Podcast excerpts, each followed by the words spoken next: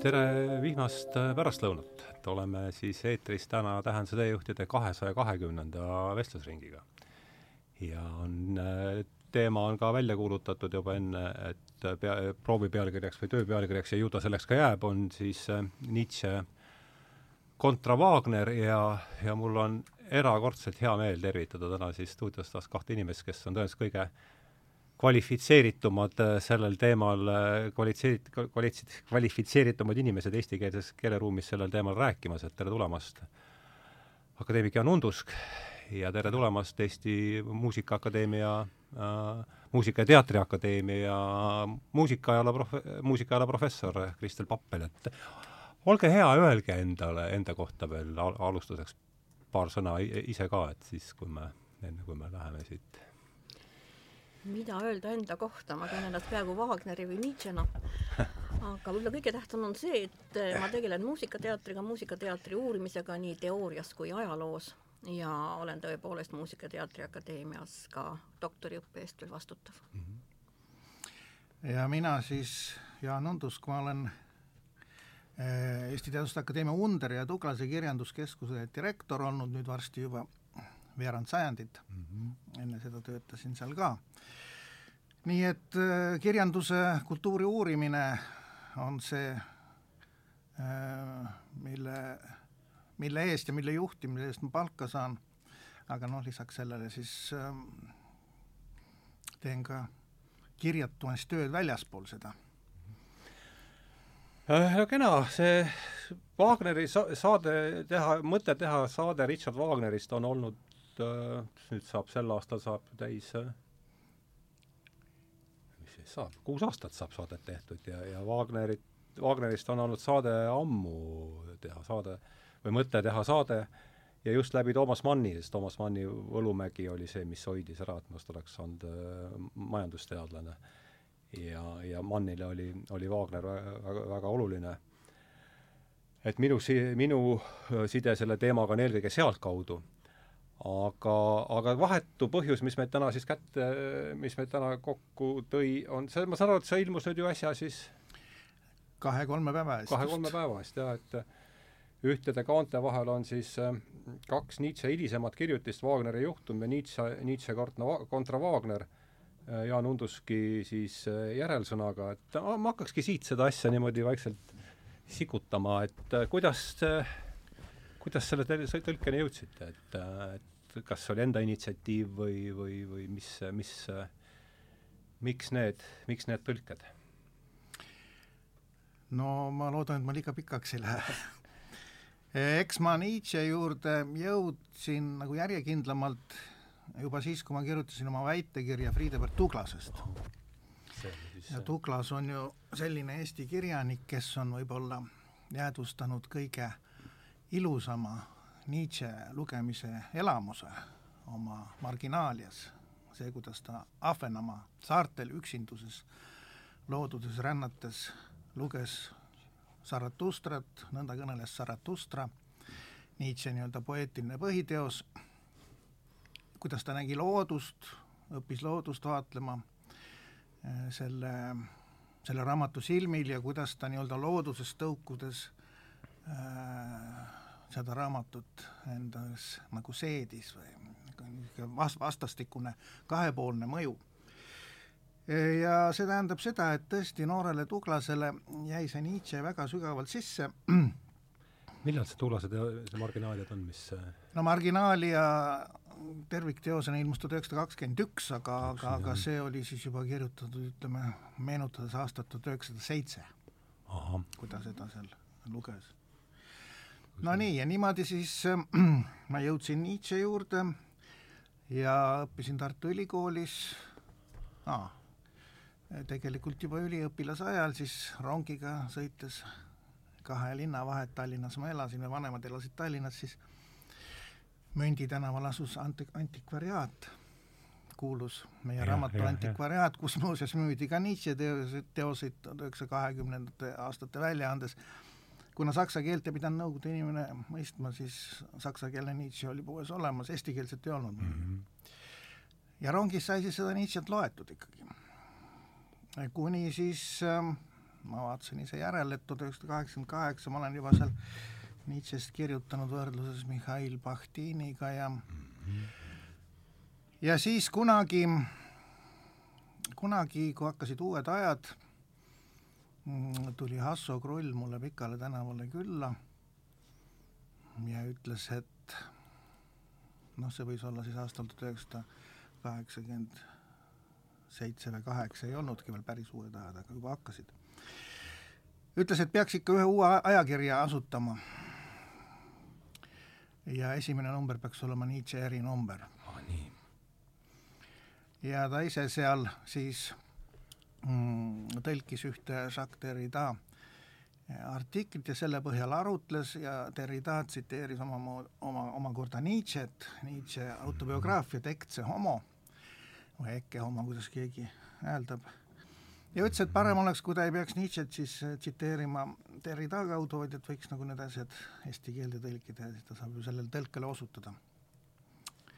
Nii, ja mina käisin tuhat üheksasada kaheksakümmend üheksa, sain esimese stipendiumi Helsingisse kuu aega, seal ma siis õhtuti seda Nietzsche't tõlkisin aga mis see, mis see siis oli lõpuks?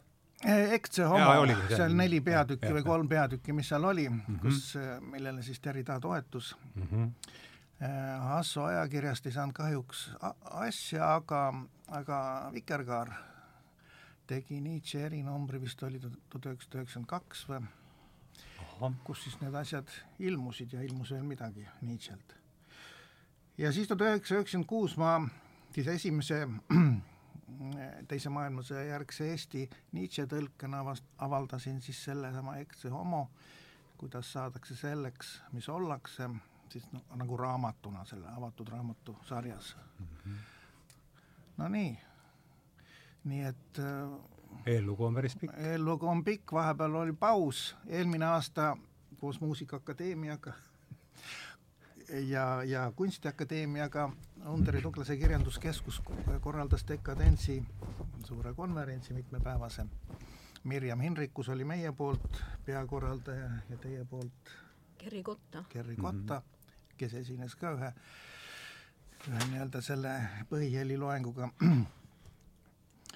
ja mina esinesin ka ja selle käigus ma lugesin jälle seda Nietzsche Wagneri juhtumit ja mõtlesin pärast seda, pärast seda konverentsi, et tõlgiks selle asja ära suvel. Enda initsiatiiv oli siis ikka? jah, enda initsiatiiv, lihtsalt tundus, et see asi peaks nüüd ka eesti keeles olema. ja siis suvel siis nüüd arendasingi seda aju teist poolgi ära, taas, taas siis äh, sai nagu tõlgitud Hiiumaal hmm.. Kaua see läks ka sellega no need asjad võtavad rohkem aega, kui välja paistab. ma kujutan ette, et see või... ega ise tunde ei loe, aga kui vaatad faili kallal töötamise aega, siis jah, need võivad mõnikord hirmuäratavad olla. ei tea, eks tal võttis ikka piisavalt aega, aga oli, oli nauditav ka mm. ikkagi mm. -hmm. ega ma seda ei teinud nagu sunnitööna. Ja õnneks siis Loomingu Raamatuga sai juba varem kokku lepitud, et, et samal ajal, kui ilmub see dekadentsi Mm, konverentsi erinumber, aja, ajakiri Keel ja kirjandus, topeltnumber, mis on nüüd ka väljas, siis ilmuks ka see Nietzsche, sest just selles, nendes kahes, ütleme, Wagneri juhtum on just see eh, Nietzsche tekst, kus ta võtab selle dekadentsi mõiste järjekindlalt kasutusele mm.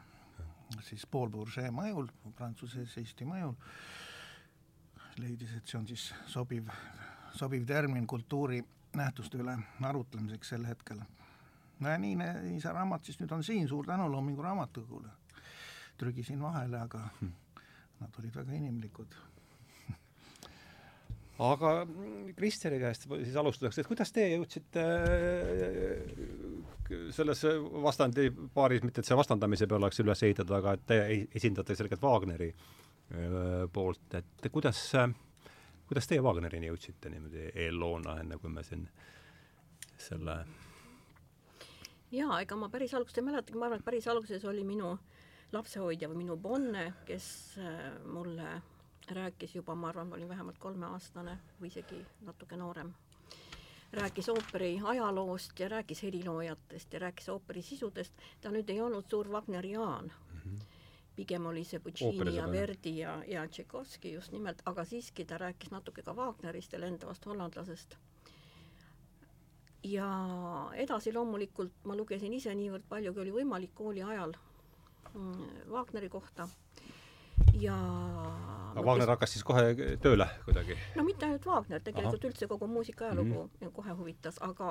Wagner ka, ma ei ütleks, et Wagner kohe tööle hakkas, aga ma lugesin ju tema ideede kohta just nimelt see Gesamtkunstwerk, eks ole, süntees või ühiskunsti teos ja samuti seos antiiktragöödiaga ja nii edasi ja kuna ma tõesti väga armastasin teatrit ja sellises keskkonnas kasvasin üles ka, siis, ähm, siis need Wagneri ideed tegelikult mind väga köitsid mm. -hmm. me peame ka silmas pidama, et Wagnerit ju noh, viimasel ajal on rohkem lavastatud Eestis, Estonias ja nüüd siis ka Johannemuises, aga, aga minu kooliaeg, mis oli ju nõukogude aeg, seal oli üks pikk-pikk-pikk paus Wagneri esitamises, kus, kus tegelikult äh, ainult lendav hollandlane tuli kõne alla ja tõesti, siis ma ei mäleta, vist kaheksakümnendate alguses, ma võin nüüd natukene eksida.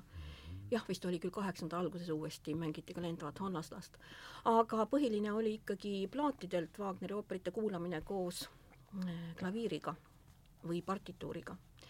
ja võib-olla niisugune kõige suurem Wagneri elamus väljaspool teatrit oli mul see, kui siis juba konservatooriumi ajal ooperi dramaturgias meie õppejõud Merike Vaitmaa andis mulle koduseks ülesandeks analüüsida Wagneri Parsifali mm. -hmm ja kuna üliõpilasel alati on ka aega vähe, mitte ainult veidi vanematel inimestel siis ma ei hakanud seda kuulama plaadilt, seal on väga aeglased tempod, vaid ma võtsin selle klaviiri ja, ja kodus mängisin ta oma tempodega läbi mm. -hmm. ja see oli täielik avastus mulle, ma Aha. esiteks hakkasin Parsifali väga armastama, kui ta oli minu näppude vahelt nii-öelda või näppude alt. klaveriklahvidel läbi käinud ja, ja, ja ma kujutasin seda ette ja, ja ma arvan, et see just tõi mind kõige lähemale Wagnerile, mis puudutab siis sellist varast kokkupuudet Wagneriga nii-öelda. aga edasi juba loomulikult väga palju Wagneri lavastuste nägemist äh, esmajoones välismaal, Saksamaal, Soomes ja, ja, ja Austrias ja mujal ja minu abikaasa oli üks olulisemaid Wagneri ooperilavastajaid kahekümnenda sajandi teisel poolel, võiks öelda. ja eriti kuulus oli tema Nibelungi sõrmus, nii et ühesõnaga Wagnerist, Wagneri tsitaate nii Wagnerilt endalt kui ka muidugi tema kirjatöödest, kui ka tema ooperitest ma pidevalt kuulsin ka kodus, et oli kaks võimalust kui mu mees midagi tsiteeris, et kas oli Goethe Faust või siis midagi Wagnerist, et selle ma õppisin selgeks ja tema nimi oli? Joachim Herts. nii, aga si-, ma ei tea, kas on ähm, aga sa oled ju siis kirjutanud Wagneri Eesti kohta ja, ja hiljem olulisi uurimusi aitäh, aitäh, Jaan. ja, ja see on seotud siis juba minu niisuguse muusikaajaloolased tegevusega. tõepoolest, ma olen kirjutanud äh, sellest, äh, millal, kuidas Wagnerit on ette kantud ja alates just nimelt siis esimestest Wagneri etendamistest Tallinna tolleaegsest Linnateatris, see on ka Stadtteater, muidugi mitte meie praegune Linnateater see oli tuhande kaheksasaja viiekümnendatel aastatel Tannhäuser, mis oli esimene Wagner, mis loomulikult Wagneri eluajal veel üldse Eesti alal siis lavale mm -hmm. jõudis ja ka hiljem mm, üheksateistkümnenda sajandi eh, teise poole järgmistel kümnenditel esitati nii Lohengrini, mis oli väga populaarne, Nürnbergi meisterlauljaid ja lendavat hollandlast, veel kord loomulikult Tannhäuserit ja, ja isegi mm, isegi kahekümnenda sajandi alguses Valküüri tema Nibelungi sõrmusest ja need olid just siis Saksa teatri etendused. mul ühest saatest meelde, kas Toomas Siiton rääkis, et kas võis olla, võib-olla mul valesti meelde jäänud, et, et oli Matteuse passioonilt enam-vähem otse viidi publik, Benem publik äh, Tannhäuseri kas peaproovi või ja, kuidagi ja, midagi sellist. ja, ja niisugune juht? see on, see on täiesti õige, siin mu hea kolleeg Toomas Siitan, temaga koos me kirjutasime ühe ajakirjas Res Muusika ilmunud hmm. artikli just nimelt sellest Bachi Matteuse passiooni ja. esiettekandest Vene keisririigis, mis oli ja, Tallinnas, just täpselt mm, -hmm. mis oli Tallinnas tuhat kaheksasada kaheksakümmend kolm. kaheksakümmend kolm, jah. jah, eh, kevadel ja see oli tõesti nii, et Matteuse Passioni peaproov, mis toimub eh, börsisaalis ehk siis praeguses ajaloomuuseumis, see oli päeval varem, et nii osa orkestrist vähemalt ja esitajatest ja, kui ka ja. huvilised jõuaksid Lohengrini esietendusele. aa, Lohengrin oli see, jah. ja see oli tuhat kaheksasada kaheksakümmend kolm, see oli märtsikuus ja see oli umbes kuu aega pärast Wagneri surma mm. -hmm. oli siis Lohengrini, esimest korda meil Lohengrini esitus ja muidugi see oli väga sümboolne sina, kui ma ei eksi, oma järelsõnas äh, Nietzsche tõlkele mainid sellist järjepidevust. Bach Beethoven, oli nii? ja Wagner. jaa. mis puudutab seda saksa, saksa kett. identiteeti ja saksa ja. kett ja vot see tuleb, Rembrandt tuli oli ka seal veel kusagil. oli küll, jah. ja, ja, ja, ja, ja see saksa kett nii-öelda just puhtalt meie muusikaajaloost, praktikast nii-öelda, üheksateistkümnendal sajandil tuli väga hästi välja, sest kaheksakümnendad, kaheksakümmend kolm, see tähendas ikkagi ka juba varem alanud venestamise intensiivistumist mm. -hmm. siin on jah, see noh, neid saksa kette on ju moodustatud erinevaid, aga kui me võtame tallinlase Alfred Rosenbergi kahekümnenda no. sajandi müügi, siis seal on Rembrandt, Beethoven, Rembrandt, Beethoven, Goethe, Wagner. ja, ja, ja. aga ütle mulle seda, kui ma võin ja, ja. vahelduseks küsida, et ma olen ikka mõelnud selle peale, milliste koosseisudega meil siin seda Wagnerit esitati. et see on ju, see nõuab ju ikkagi, see on väga nõudlik, nii et meie noh, tänapäeva Eestiski neid Wagneri esitusi on ju niivõrd vähe. et mhm. mis siin üheksateistkümnenda sajandi keskel võis olla või me lihtsalt alahindame seda aega?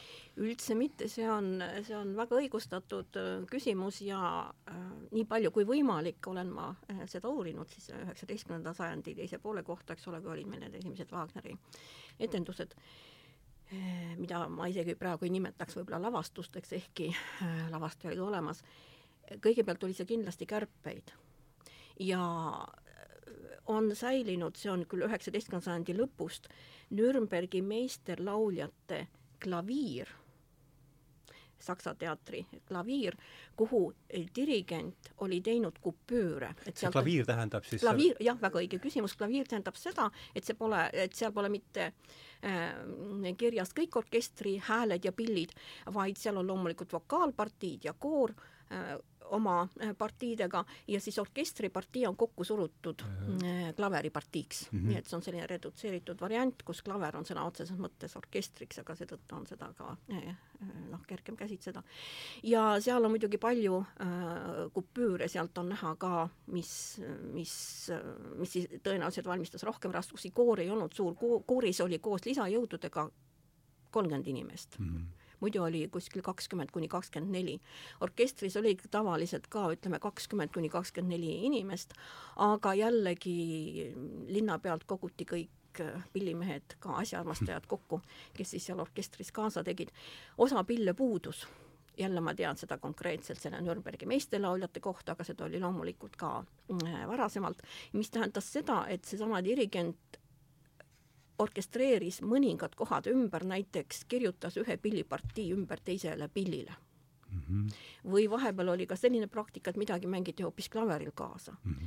ja näiteks harfi ei olnud kahekümnenda sajandi alguses siin teatriorkestril, natukene hiljem küll juba tuli, mis oli suur sündmus ja alati toodi äh, välja ekstra teatrikuulutusel, et harfi mängib proua see ja see aga siis mängiti seda klaveril, ühesõnaga kombineeriti ja loomulikult me ei saaks öelda, et need olid niisugused täiuslikud ettekanded, kus kõik, mis kõik vastas äh, täiesti äh, sellele, mis Wagner oli ette näinud, aga tollal oli ju tähtis muusika kõlamine mm. -hmm. et üldse esitati, et üldse sai tutvuda ja, nende ja. Äh, teostega mm. -hmm. Uh. kas ma vastasin su küsimusele? jaa, ja ma hakkasin mõtlema, et neid Wagneri noh, nii-öelda kompendiume, ooperite kompendiume tehakse ju tänapäevani. et kui võtta seesama Niibelungi sõrmus, mis on tetraloogia neljast ooperist, ma ei tea, kokku see, mitu tundi see kestab? ma ei oska praegu peast öelda. aga ma olen siin just internetist ühte sellist ähm, orkestri varianti, puhtalt orkestriga minu meelest, kus ähm, kuulnud, mis kõlab noh, umbes kaks ja pool tundi, kus on siis see need kõik need neli ooperit nii-öelda põhiteemadega kokku. kaheks pooleks tunniks kokku võetud? jah, jaa, ja see jaa., seda võib teha muuseas väga hästi. jaa, ja see on ja, jah. hästi, ma tahtsingi öelda, et, et see on tõesti väga levinud, on tehtud veel veel lügema, lühemaid variante isegi, mitte kaks ja pool tundi, vaid umbes isegi tund aega, mis on siis noh, hästi-hästi koomiksilik, aga aga põhimõtteliselt mingid ideed annab edasi. aga see kaks ja pool tundi on juba, ma arvan ka täiesti noh. piisav elamuse saamiseks. piisav elamuse saamiseks. jah. Aga kui nüüd selle, kui nüüd selle põhipaari juurde tulla tagasi ja üritada sealt seda asja sikutada, et mulle ka sealt ja kirjutasin sellesse saatesõnasse ka selle mõtte, et et mis Jaan kirjutas, et mingis mõttes Wagner raamistab kogu Nietzsche loomingulise pärandi, et oli nüüd tragöödia sünd on tuhat kaheksasada seitsekümmend kaks. oli jah, ja need kaks viimast need ka-, need kaks kirjutist, millest meil siin täna on juttu olnud, Wagneri juhtum Nietzsche kohta, Wagneril on mõlemad tuhat kaheksasada kaheksakümmend jah kaheksa, viimane tööaasta. viimane tööaasta jah, et äh, ja, ja noh, tõesti rääkisime Kristeliga ka siin alguses, et, et äh, Jaani järel, tänu Jaani järelsõnale sain ma kuidagi mingil määral küüned taha, sest üksi Nietzsche't lugedes oleks olnud no ikkagi keeruline on tast äh, äh, seda, seda kirg, seda kirglikku suhtumist kumas sealt kohe ikkagi, seda ma adusin kohe niimoodi äh, vahetult, aga et kas me saaksime kuidagi hakata nüüd seda põhiprobleemi üldse sõnastama, et miks? Et ühest küljest Wagner raamistab kogu tema loomingu äh, ja võib-olla hakkame sealt sellest kronoloogiast siis pihta, kuidas nad üldse kokku said ja mis see, mis see olustik tol ajal oli ja ja milles üldse probleem on mm -hmm. siin inimestele, kes tõenäoliselt ei ole sellega võib-olla üldse kokku puutunud. võiks öelda nii, et Nietzsche ja Wagneri suhetes on, on noh, mitmeid kihte, aga võib-olla siin oluline on kahte kihti praegu eristada, üks on see eh, kahe isiksuse, isiksuste vaheline nii-öelda koostöö ja konflikt, millest ma siis kohe võib-olla natuke pikemalt räägin, aga teine on see Nietzsche Wagneri kriitikuna, millest võib-olla räägib, räägib Kristel. Eh, ehkki Nietzsche nendes teostes siin nüüd oma elu viimasel aastal, mis sisaldavad küll ka juba palju varasemaid fragmente tema töödest, kus Wagneri nime veel ei esine, aga kus ta nüüd teatud passaažid seob Wagneri nimega, et ta juba tol ajal mõtles Wagneri peale, siis ehkki Nietzsche on kriitiline Wagneri suhteliselt totaalselt kriitiline, samas ta ütleb ka seda, et Wagner on tal absoluutselt ülesaamatu, Tristan ja Isolde ei ole midagi kõrgemat mm. -hmm. Et ta on ju, Kristel annab oma hinnangu Nietzsche kui Wagneri kriitikule, seal on ju väga häid tähelepanekuid, väga olulisi asju Wagneri muusikast. aga nüüd isiksuste vaheline kontakt kujunes nõnda, et Nietzsche sai ju väga noorelt ja ilma doktorit kaitsmata, see tuli tagantjärele Šveitsis Baselis siis klassikalise filoloogia professoriks kahekümne nelja aastaselt, noh, sai küll oma selliste nagu öeldakse, tutvused mängisid ka tol ajal rolli. Friedrich Ritschli, tema austaja, noh, nagu soovitusel. E ja juba enne seda ta oli, oli Wagneriga, aasta enne seda oli isiklikult äh, tutvunud taas noh, sellises suhete põhineval seltskonnas, aga kui ta oli Baselis professoriks saanud, siis ta hakkas käima külas ähm, Wagnerit, kes elas samuti Šveitsis, oli tol ajal nii-öelda pagulane, Lutserni lähedal elas, Tripšenis siis ilusa järve kaldal ilusas majas, kus on praegu tema majamuuseum, tahaks seal ära käia, mina ei ole käinud. mina kahjuks ka mitte, aga tahan ette võtta. Lutseri lähedal oli see, jah? jaa ja. ja. Mm. -hmm. ja hakkas seal külas käima, oli algselt filoloog, aga need kakskümmend või kakskümmend neli külaskäiku, mis olid küllaltki pikad, noh, Wagneri naise Cosima Listi Ferenc Listi tütre roll oli ka ju selle sõpruse sopitamisel oluline. Ja hakkasid erinevatest asjadest rääkima, Schopenhaueri filosoofiast, mille austaja Wagner oli, mille austaja esialgu oli ka Nietzsche, rääkisid Kreeka teatrikunstist ja, ja sellest, kuidas siis äh, see võiks aidata tänapäeva muusikalisi draamasid äh, värskendada või kuidas see eeskuju võiks tänapäeval olla viljastav. Äh, ja noh, ehkki Nietzsche oli saanud professoriks just seetõttu, et nii noor mees tundis nii hästi eh, kreeka keelt ja, ja, ja kreeka klassik-, klassikalist kirjandust, siis ei maksa ometi arvata, et et Wagner oli sellel alal rumal. tema oli juba ka noorpõlves tõlkes vist küll, aga kogu Kreeka kirjanduse tähtsama osa läbi lugenud ja Kreeka kultuuriga hästi, intuitiivselt hästi haarates seda äh, hästi kursis, nii et see dialoog kahe mehe vahel oli täiesti võrdne, võiks arvata, muidugi Wagner oli vanem ja Wagner oli tähtsust täis ja Nietzsche oli, oli empaatiline. kolmkümmend aastat vahe, kolmkümmend üks aastat vist oli vahet. Äh, jah, kolmteist ja nelikümmend neli on sünniaastad.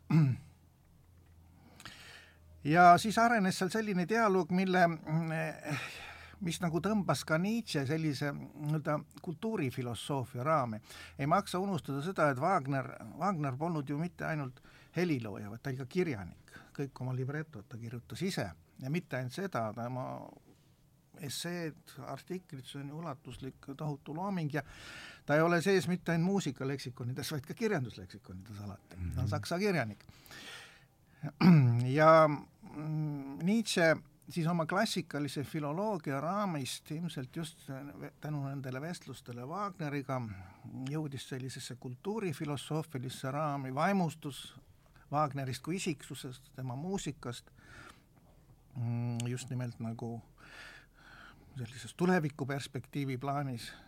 Wagner oli tõeline revolutsionäär, ta ei allunud, ei allunud või noh, sellistele tavainimese eetilistel normidel oli sellest üle, noh, hea küll, talle tol ajal tundus niimoodi, Nietzschele. Wagner väga austas ju perekonda lõpuks, mida Nietzsche ei suutnudki endale, endale luua.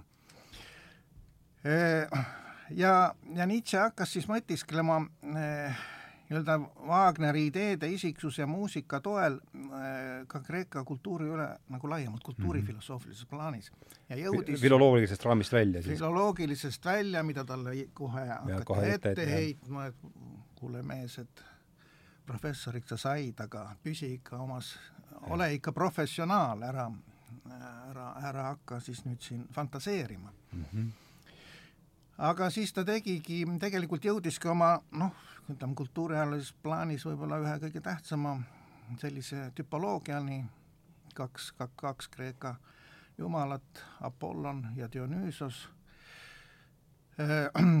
kui seni olid eurooplased mm, tänu siis Winkelmanni äh, antiikkunsti, kunsti ajaloole näinud, näinud siis äh, Kreeka kultuuri keskmes raidkunsti ja Belvedere Apollo oli see, Apollon oli siis noh, Winkelmanni jaoks saksa kultuuri või kunstiajaloolane. oli see Kreeka kultuuri tipp, siis Nietzsche tõi vastukaaluna sisse ka Dionüüsose, kes oli siis veinijumal ja ja kellele kirjutati ditürambe, selliseid elujoovastust täis, elujoovastust täis ähm, Äh, luuleteoseid, mis olid juba Herderit vaimustanud, äh, ja siis äh, tuletas sellise noh, teooria, et see Vana-Kreeka tragöödia ja Nietzsche jaoks oli nüüd see tragöödia Kreeka kultuuri süda, mitte enam raidkunst mm, -hmm.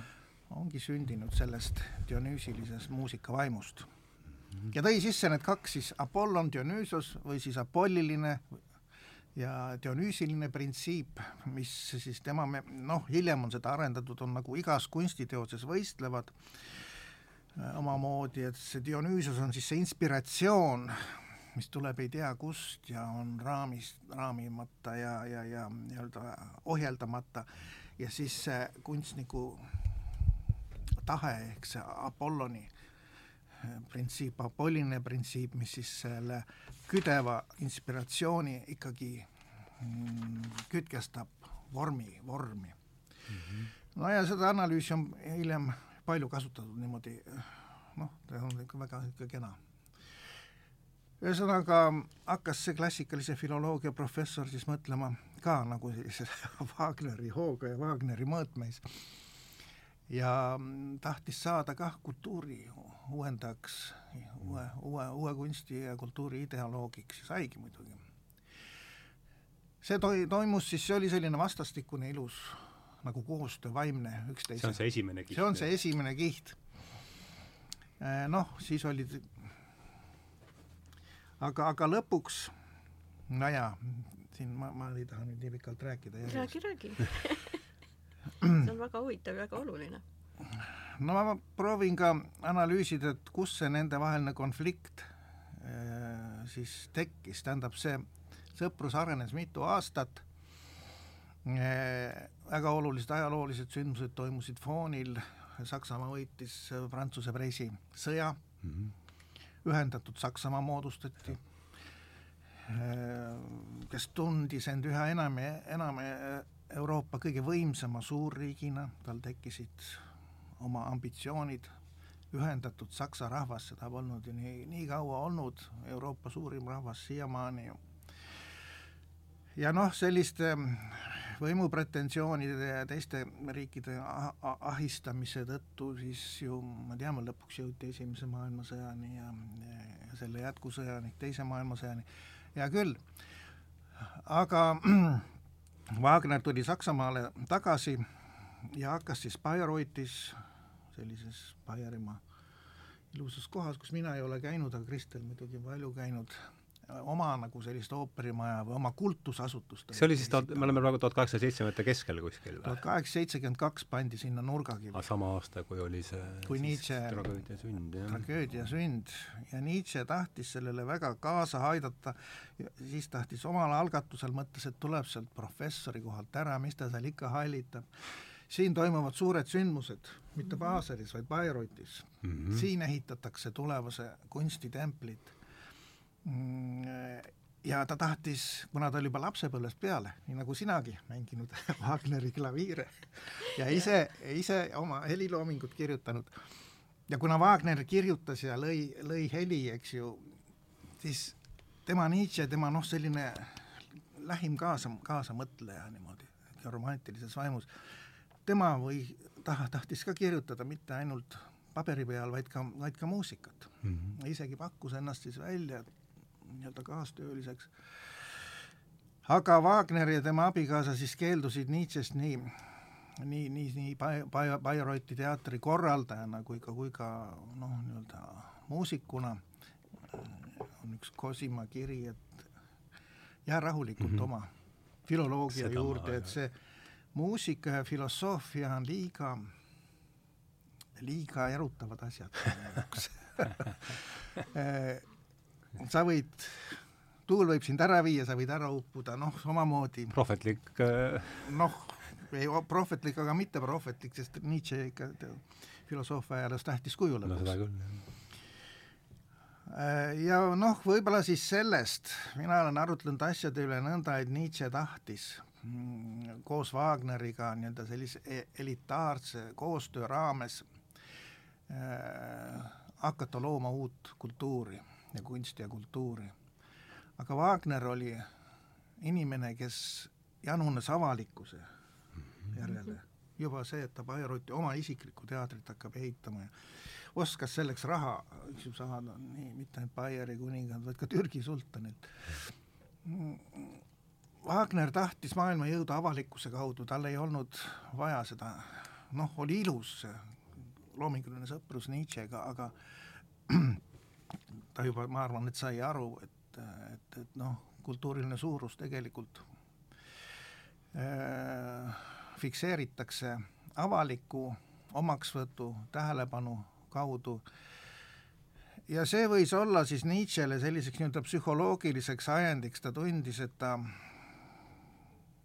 et äh, ta on kena lisand Wagner oli ka tunduvalt vanem, ta oli nii palju juba loonud, Nietzsche oli veel noor, eks ju, algaja.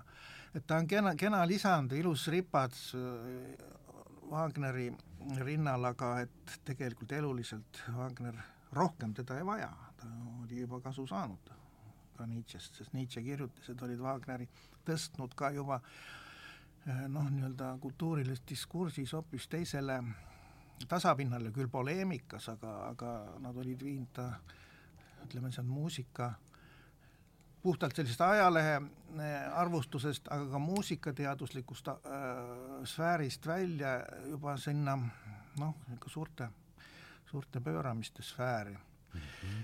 ja ja Nietzsche oli ilmselt, ilmselt tundis ennast mahajäetuna. Äh, tundis ennast mahajäetuna ja noh, nagu ma näitan, tegelikult võib-olla ka Wagner tundis ennast mahajäetuna, aga siiski ta oli omadega juba valmis. tema töö oli tehtud. ja siis selle, selles pettumuses siis ja, ja ka nii-öelda iseennast ravides see haiguse motiiv on Nietzsche elus ja kirjutistes ju väga oluline, ta, ta oli, tema isa oli surnud nii-öelda peaju pehmenemisse, ta ise oli juba teismelisena, kannatas ränkade peavalude all, aga ta tegi sellest haigusest nagu, interpreteeris nagu vahendi, kuidas ennast tervena tunda, inimene, kes teadvustab oma haigused, kui teda, tema nii-öelda ärk, ärkveloleku vahendi mm. -hmm. Et see on see lõppkokkuvõttes paradoksaalselt see suur tervis siis nii-öelda, kui sa oled lihtsalt terve inimene, sa ei saa aru, mis see terve olemine tähendab, aga kui sa mhm. pidevalt oled haige olnud ja ja ikka ja jälle ja siis sa tuled sealt jälle välja ja sa ikka teed ja sa lood ja siis ta hakkas seda Wagnerit ja tema muusikat ka tõlgendama ühe oma haigusena mm. -hmm. Ta on lõpuks, ta on seal sees olnud, ta on sügavalt nakatanud, see on geniaalne inimene, aga, aga, aga see on ikkagi lõppkokkuvõttes nõiakunst, mida ta pakub. ta on sealt väljas, ta on tänulik, aga ta tahab ka näidata maailmale, mis see tegelikult on, see Wagneri, Wagnerist tulenev kultuur et see, see, et see on haigus. see on haigus, see on noh, vastupandamatu, aga ta on härrasõtane haigus. ja prouad ka, tol ajal prouade poolt võib-olla ei pöördutud. nojah, ma ei tea. aga kas, aga Äh, kas on Kristel lisada hetkel midagi selles teise, teise nurga alt? Võib-olla mitte otseselt äh, lisada, see oli väga ilus tõlgendus, mille Jaan siin esitas ja, ja sellega saab täiesti nõustuda. et võib-olla ma astuksin väikse sammu tagasi äh, veel kord selle Vana-Kreeka teatri ja vana, Vana-Kreeka tragöödia juurde mm. -hmm ja, ja siin võib-olla sellepärast, et nagu ma enne ütlesin, et, et see, see Wagner ja siis see antiiktragöödia köitis mind juba tõesti väga ammu.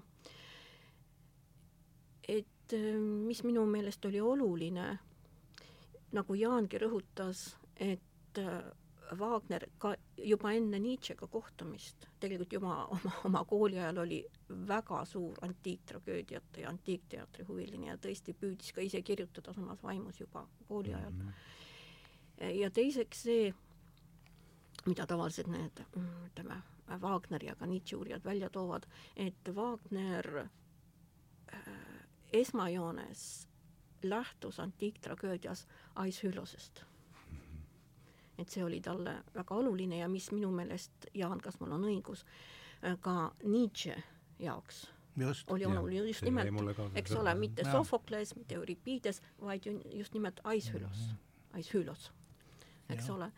ja, ja see, mis, mis oli tegelikult tolleaegsele mm, antiiktragöödia käsitlemisele vastupidine järjestuse mõttes, eks ole.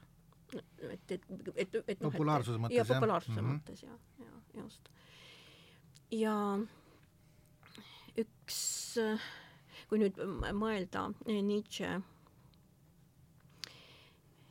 tragöödia sünnile muusikavaimust, siis tegelikult seal ta ju nagu põhjendab ka Wagneri tuleviku kunstiteost ehk seda Wagneri muusikadraamat mm, -hmm. Wagneri Gesamtkunstwerki.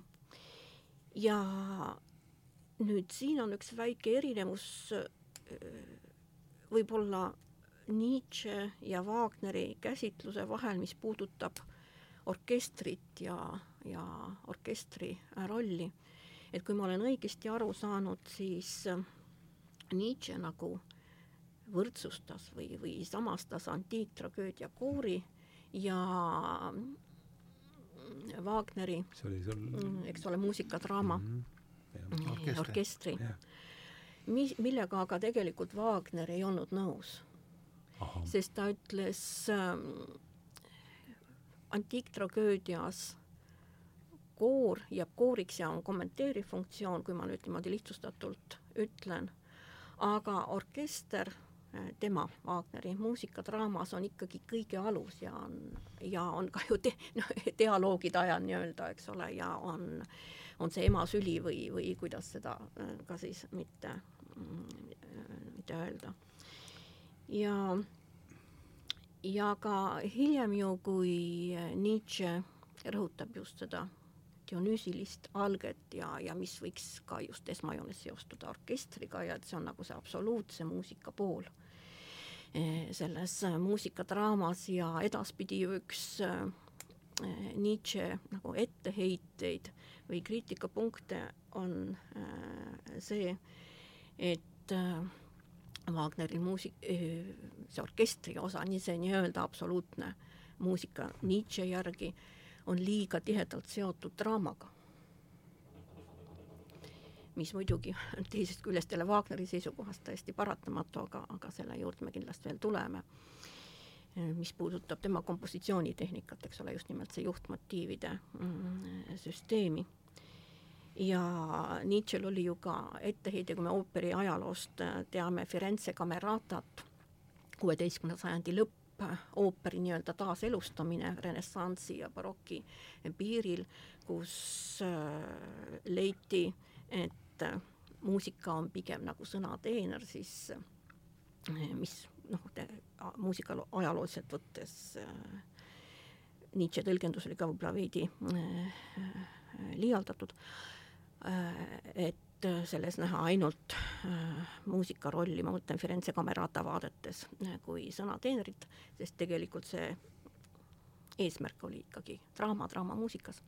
aga see selleks on jälle järgmine teema et, äh, et Nietzsche jaoks just nimelt siis äh, see muusika niisugune autonoomsus või, või, või ütleme, orkestri kui absoluutse muusika esindaja, suu-, suurem vabadus, suurem iseseisvus oli mm, tähtis, miks ta ju lõpupoole leiab ka, et, et Bizet võiks olla, on niisugune suurepärane ooperi helilooja ja nii edasi, ehkki kuskil vist, kas ta ise või keegi on märkinud, et see on siis pigem nagu niisugune, et ta Bizet toob sisse Wagneriga võrreldes nagu iroonilise antiteesi mm. -hmm.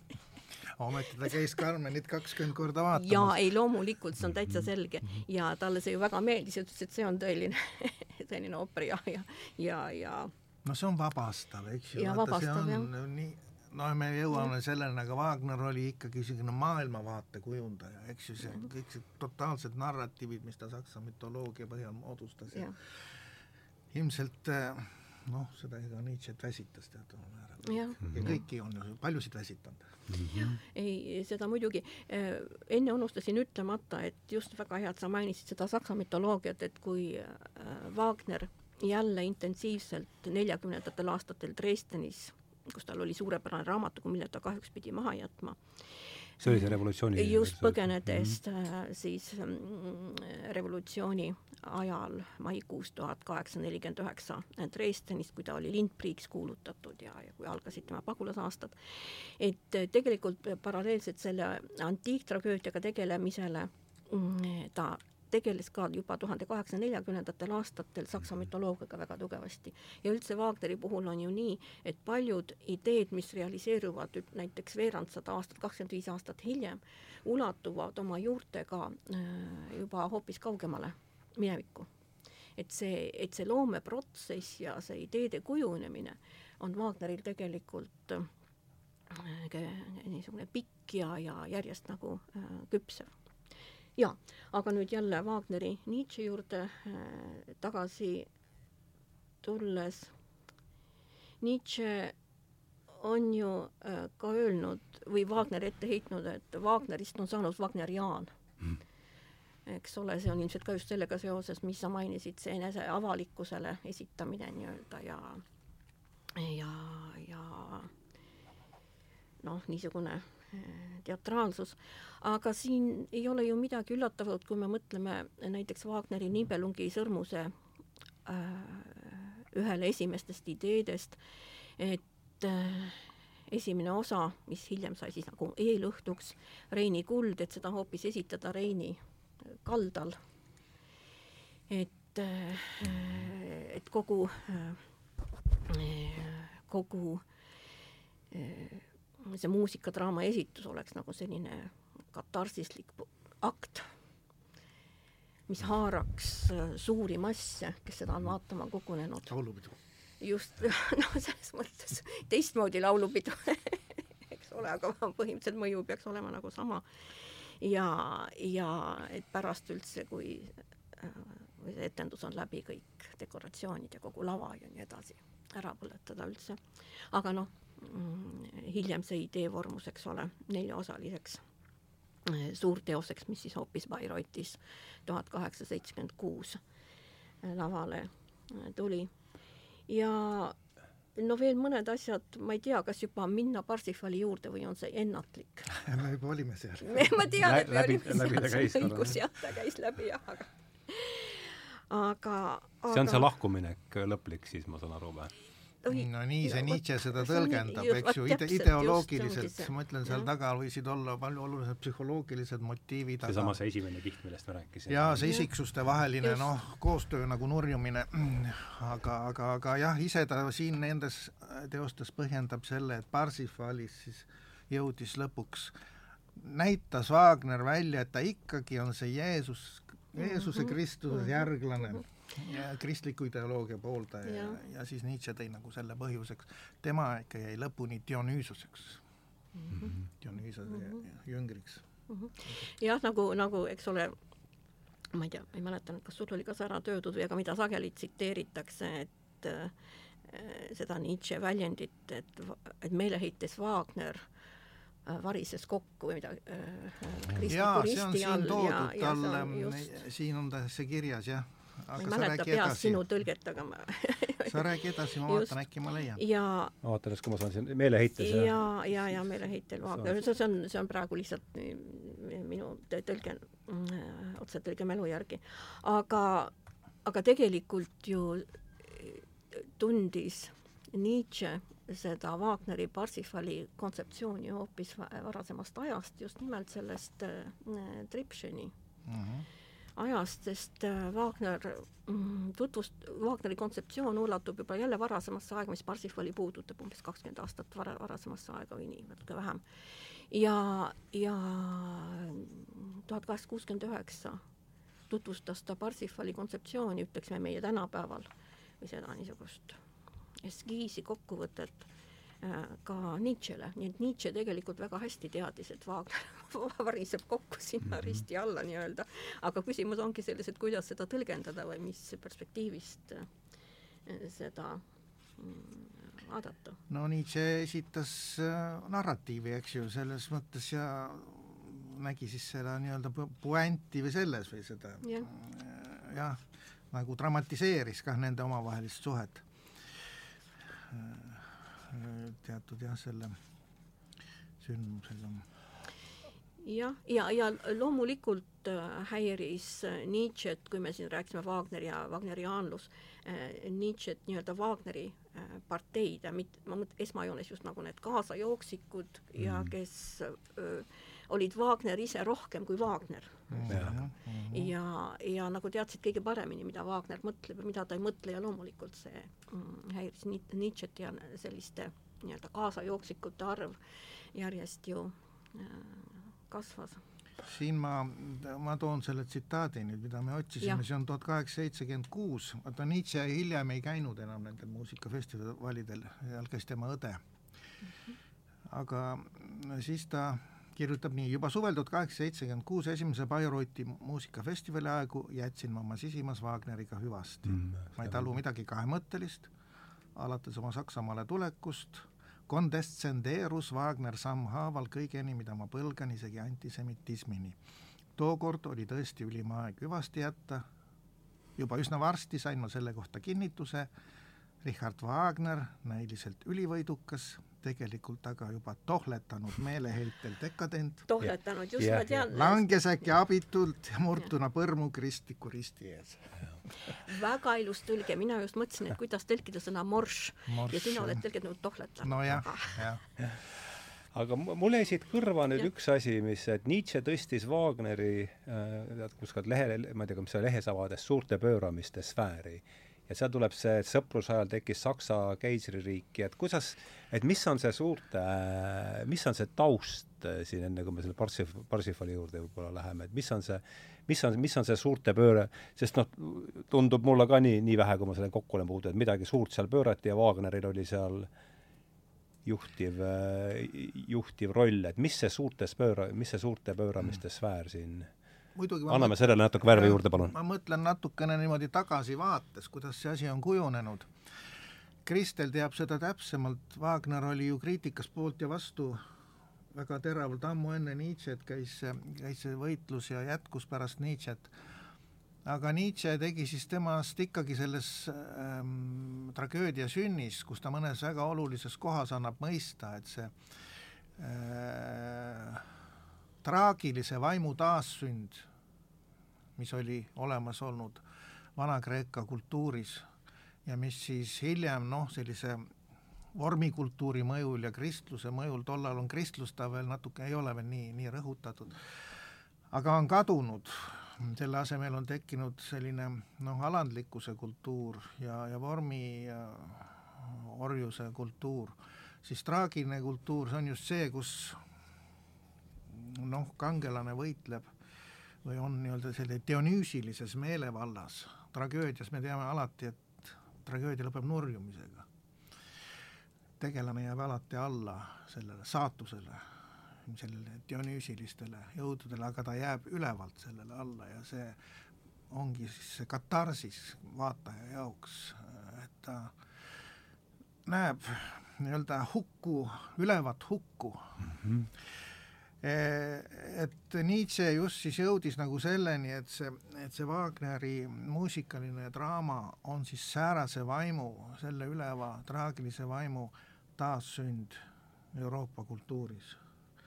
et noh, see oli see asja viimine nagu sellisele suurele kultuurifilosoofilisele plaanile Mm -hmm. et ma ei tea -hmm. mulle tundub, et enne Nietzsche't seda nii, nii, nii suurt su,, suurejooneliselt ei, ei mõistetud.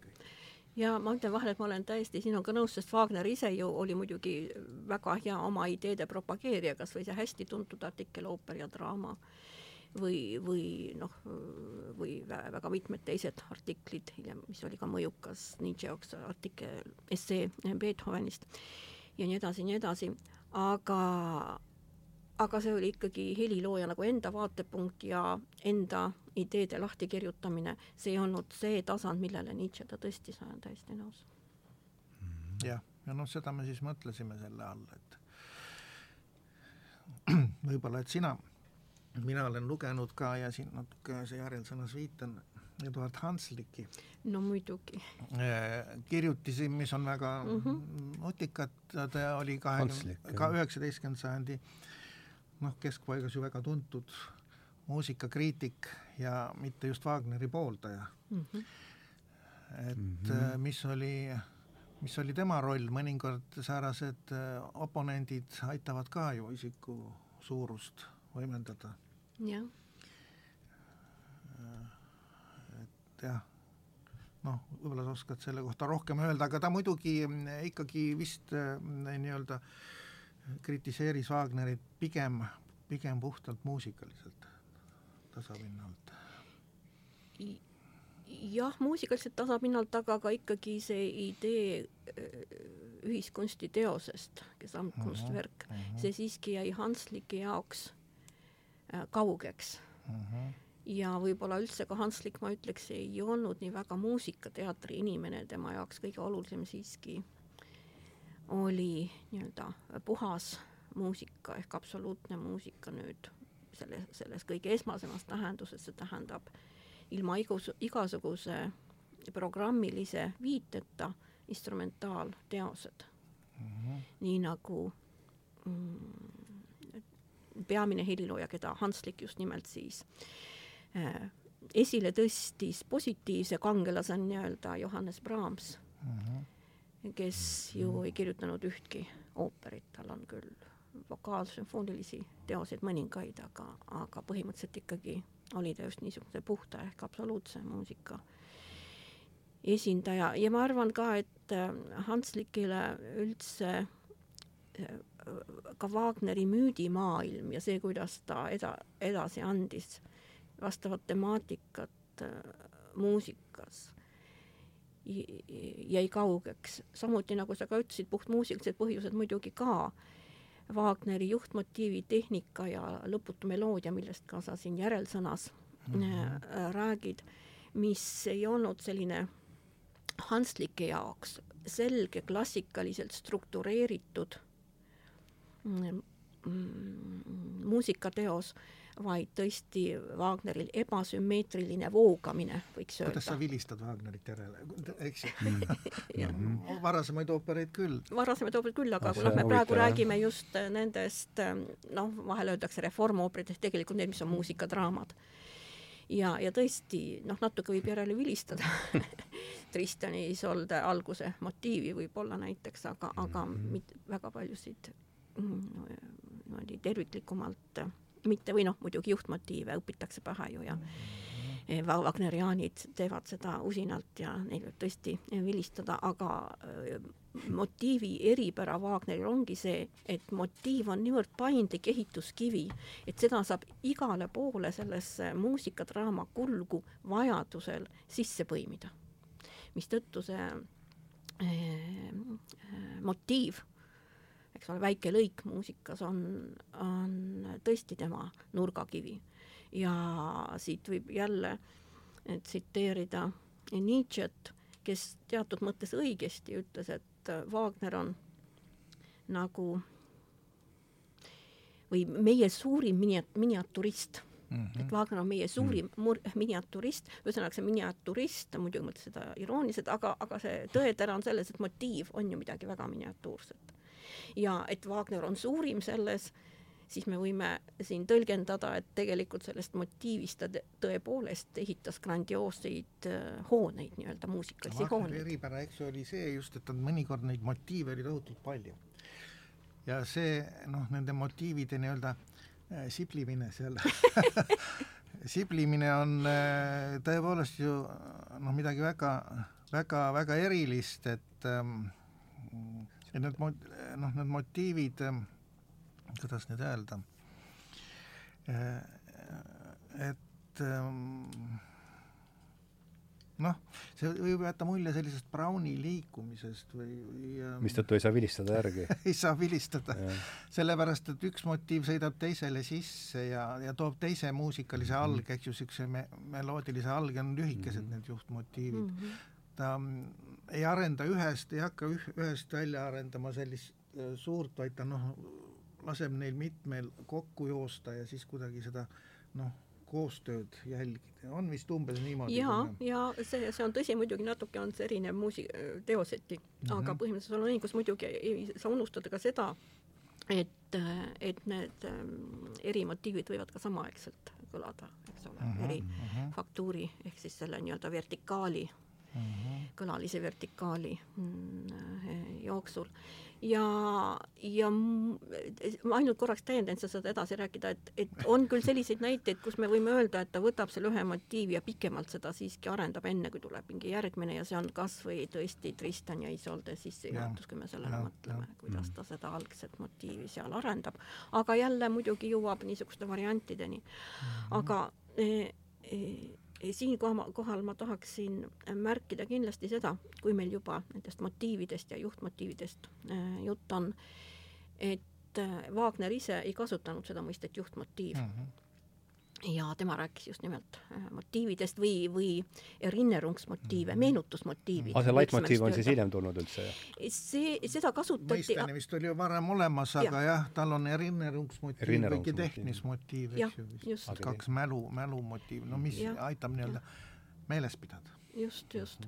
ja, ja see on tõesti nii, et see juhtmotiiv kas kasutati juba natukene äh, varem näiteks seoses Karl Maria von Weberi ooperitega mille puhul muidu räägitakse ka meenutus- või mälumotiividest mm, -hmm. või siis tõesti, et üks Wagneriaan võttis ise selle kasutusele, äh, Hans von Holtzhogen, aga, aga mida ma rõhutada tahan, on see, et juhtmotiiv iseenesest ei olnud Wagneri eesmärk. Wagneri eesmärk oli just nimelt nende eh, juhtmotiivide abil kõigepealt äh, ehitada see suur tervik ja aidata vaatajal seda muusikalist tervikut jälgida. ta ei mõelnud, et vaataja peaks teadma, see on mõõga motiiv, see on armastuse motiiv, see on tulemotiiv ja nii edasi, aga see pidi mõjutama äh, vaataja või kuulaja alateadvust. ja, ja äh, omakorda see millest me juba enne rääkisime, motiivi olulisuse, motiivi arendamine oli ju seotud tõepoolest ka selle hoopis teistsuguse struktuuriga, kus ei ole lõpetatud osi ehk nagu me ütleme, numbreid ooperis, ei ole nii, et aaria lõpeb, me saame plaksutada mm -hmm. Wagneri muusikadraamade puhul ju, vaid et tõesti on see pidev harmoonia lahenduse edasilükkamine alles oh. mingi vaatuse lõpus jõutakse selleni, et ahaa, et siin on nüüd see lõpp-punkt nii-öelda, aga enne seda noh, natukene äh, võib-olla üldiselt rääkides, aga et enne seda on just nimelt niisugune lõputu voogamine, seda nii-öelda pärale jõudmist kogu aeg lükatakse edasi.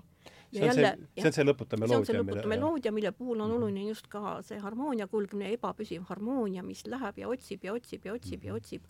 lahendust ei saabu. jah, ja no, see jäähoog, mis peab suutma kõike kanda. jah. see, mida sa ja. sinna viskad, need juhtmotiivid, aga ta nagu kannab ja. kõike edasi jah, ja, ja, ja, ja kui me mõtleme nüüd Wagneri tetraloogiale Libelungi sõrmus, mida sa ka siin juba nimetasid, siis äh, muusikalises mõttes ka on nii komponisti jaoks kui ka kuulaja jaoks, kellega Wagner kogu aeg arvestab tegelikult, ehkki võib-olla võib tunduda, et oh, üldse ei arvesta nii pikad ooperid ja nii edasi. et äh, näiteks Nibelungi sõrmuse viimases osas alguses kõigepealt üldse meenutatakse muusikaliselt seda, mis on olnud. et tulevad uuesti mingid minevikus, nii-öelda tegevuse minevikus olnud juhtmotiivid tagasi, mis aitab jälle heliloojal neljast suurest osast seda tervikut moodustada mm. -hmm ja, ja peale selle, noh, need juhtmotiivid ei ole ju kohe esimeses osas kõik olemas, nad tulevad vastavalt sellele, kuidas lugu äh, areneb, eks ole, mõni teises osas esimesena, mõni tuleb alles kolmandas osas ja siis sõlmitakse. kas on nii, et kokku. üks seesama juhtmotiiv, eks ju, võib esineda ka mitmes ooperis? no just täpselt ja., jah mm -hmm ma, ma vaatasin äh, sii-, enne siia tulekut või siin paar päeva ette üle selle BBC dokumentaalfilmi Wagnerist ja seal oli, kas see John Deathridge on üks jaa ja., üks Wagneri uurija. ja tema ütles jälle, minule kõrvalt tuli ja sellise mm -hmm. väga lihtsa vormeli, et Wagner tähendab äh, Shakespeare pluss Beethoven võrdub Wagner, kuidas seda kuidas see, mis te sellest ma, mõttest arvate? ma kõigepealt vastan ja siis sina räägid ka, mis sina sellest arvad, eks ole mm.. tähendab, kui Wagner oleks, oli väga, kindlasti, kui ta seda kuulis nüüd oma hauas, siis ta oli ülimalt meelitatud sellest Shakespeare ja Beethoven, sest ta teadis seda ise. ta teadis seda ise, just täpselt seda ma ütlengi, et sul on õigus, et ta teadis tegelikult seda ise. ja, ja aga see oli hea, hea meeldejääv vormel minusugusele. ja loomulikult see, see, see on arusaadav, ehkki siia ikkagi mina lisaksin ka veel Ice Hülose näiteks mm. -hmm. aga eh, aga Beethoven, kogu üheksateistkümnes sajand on Beethoveni kummardamise sajand tegelikult. ja Beethoven oli suur ebajumal ja Beethoven Beethovenit võis kasutada ka enda tegude õigustamiseks, ütelgem nii. Mis tähendas seda, et Wagner, kes loomulikult ka väga austas äh, Beethovenit, et äh, tema jaoks Wagneri viimane, vabandust, Wagneri jaoks Beethoveni viimane sümfoonia ehk üheksas sümfoonia oli ühtlasi Wagneri muusikadraama ja tuleviku kunstiteose ideede nagu õigustuseks.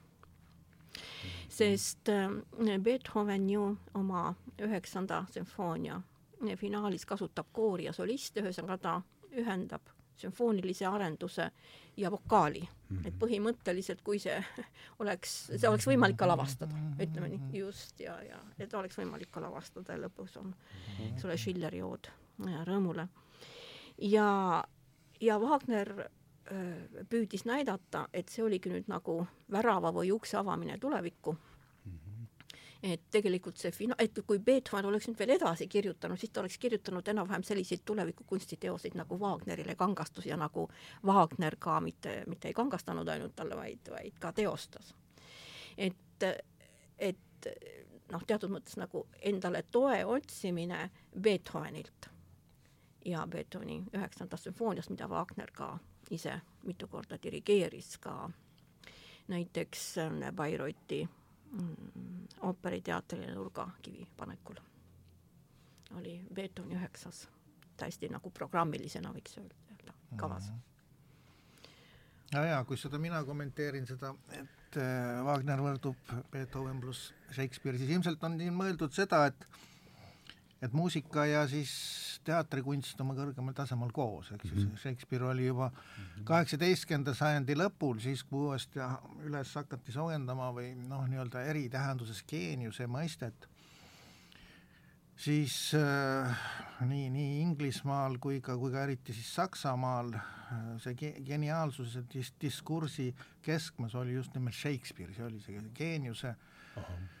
sellise tunnustatud kõige, kõige kindla, kindlam nagu näide, loov, loovgeenius. millal see tuli, kaheksateist? kaheksateist sajand teine pool, jah. ja siis äh, noh, Shakespeare'i järgi igaüks mõttis teda muidugi enda, enda, enda, enda moodi, Herder näiteks just ütles, et Shakespeare oli, oli suur just seetõttu, et ta, et ta lõi nagu rahvas, eks ju, noh, isegi paigutas oma rahvalaulude rahvalaulude, eh, maailma rahvaste rahvalaulude kogumiku siis katkeid Shakespeare'i mm, näidenditest teatud selliseid mono-, monolooge. mul on piinlik, ma ei teadnud seda. väga huvitav. esim-, selle, see esimese, Volkslieder, mitte, mitte, mitte selle, see hilisemasse varianti, mhm. jah. no jaa, et võib-olla ta mõtles siis seda, tähendab, siin on korra, korraga selline selline mõiste nagu läbi käinud nagu müüt, eks ju, või mitu ja. korda meil juba.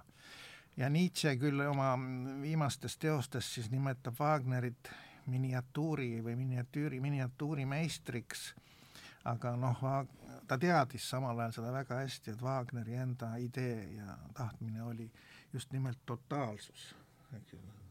nii publiku, nii selle kunstiteose enda teostuslik totaalsus kui ka siis äh, selle publiku kaasahaaramise mõttes, eks ju, totaalselt, see oli nii-öelda müüdiline, mm, ta tahtis näha kunstis müüdilist, üldrahvalikku müüdilist toimingut mm. -hmm.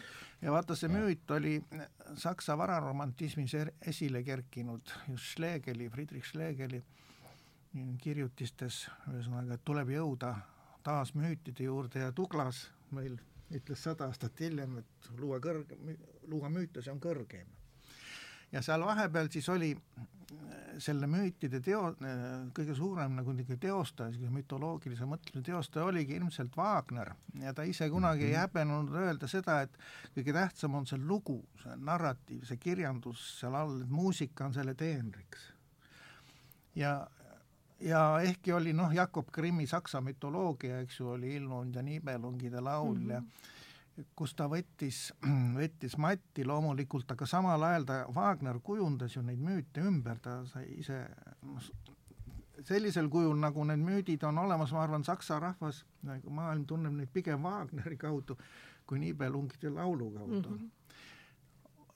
Nietzschegi siin kirjutab, kuidas ta Siegfriedi kuju mõtestas ümber selliseks hoopiski, hoopiski nagu suuremaks rebelliks, kui ta, mässajaks, kui ta, kui ta oli seal noh, saksa mütoloogias enne teda.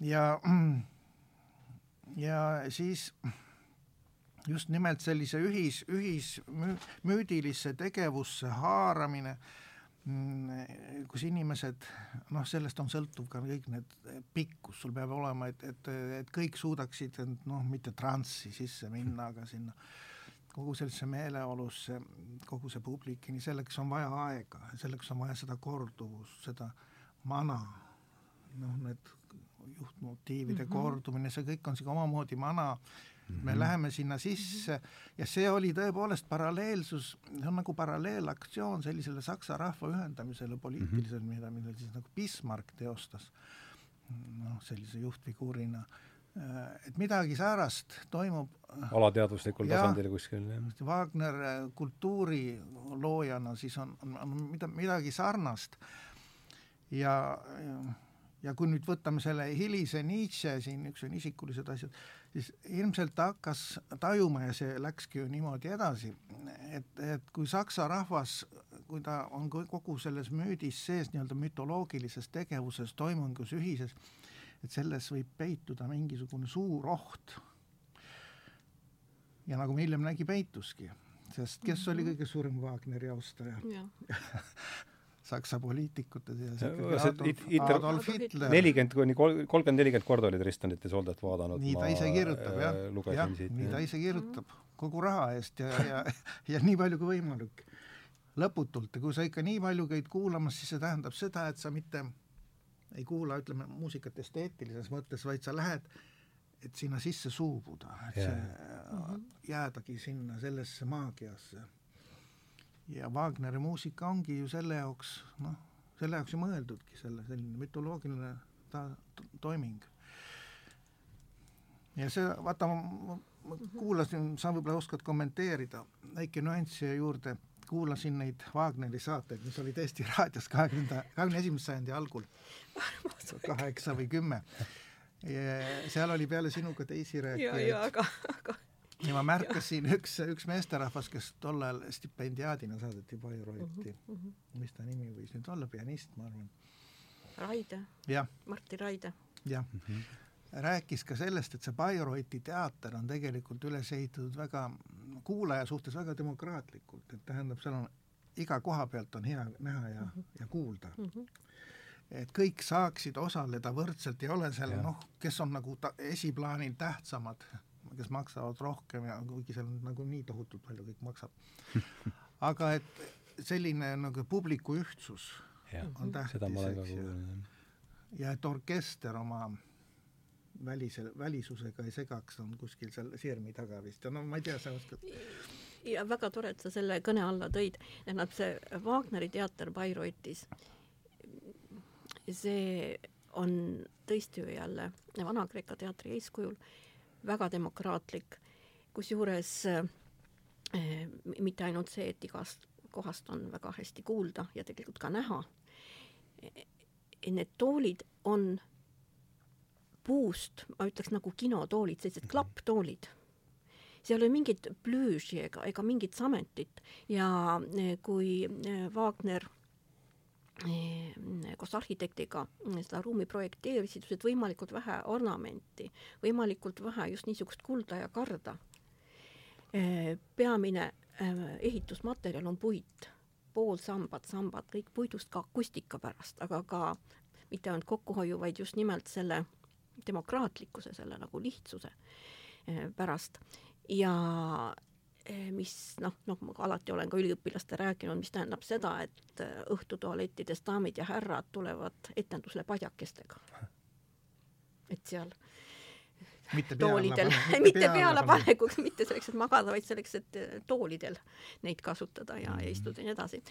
Noh, see on äh, kogu aeg nii jälle Wagneri puhul olnud, aga orkester, nagu sa tõesti juba mainisid, Jaan, äh, orkestrit publik ei näe, orkester on tõepoolest see nähtamatu sügavik, mis on orkestri auk, nagu me ütleme, see orkestri süvend on ehitatud nii, et ta nagu võiks öelda nagu la, selliste laiemate treppidena läheb veel sügavusse, nii et äh, sellel justkui ülemisel trepiastmel, ma ütlen siis nii, meie, meie seda ei näe, publik seda ei näe, on dirigent, kellel on kõige parem ühendus lavaga, tollal ei olnud ju ka mingeid monitore ega mitte midagi sellist loomulikult, eks ole.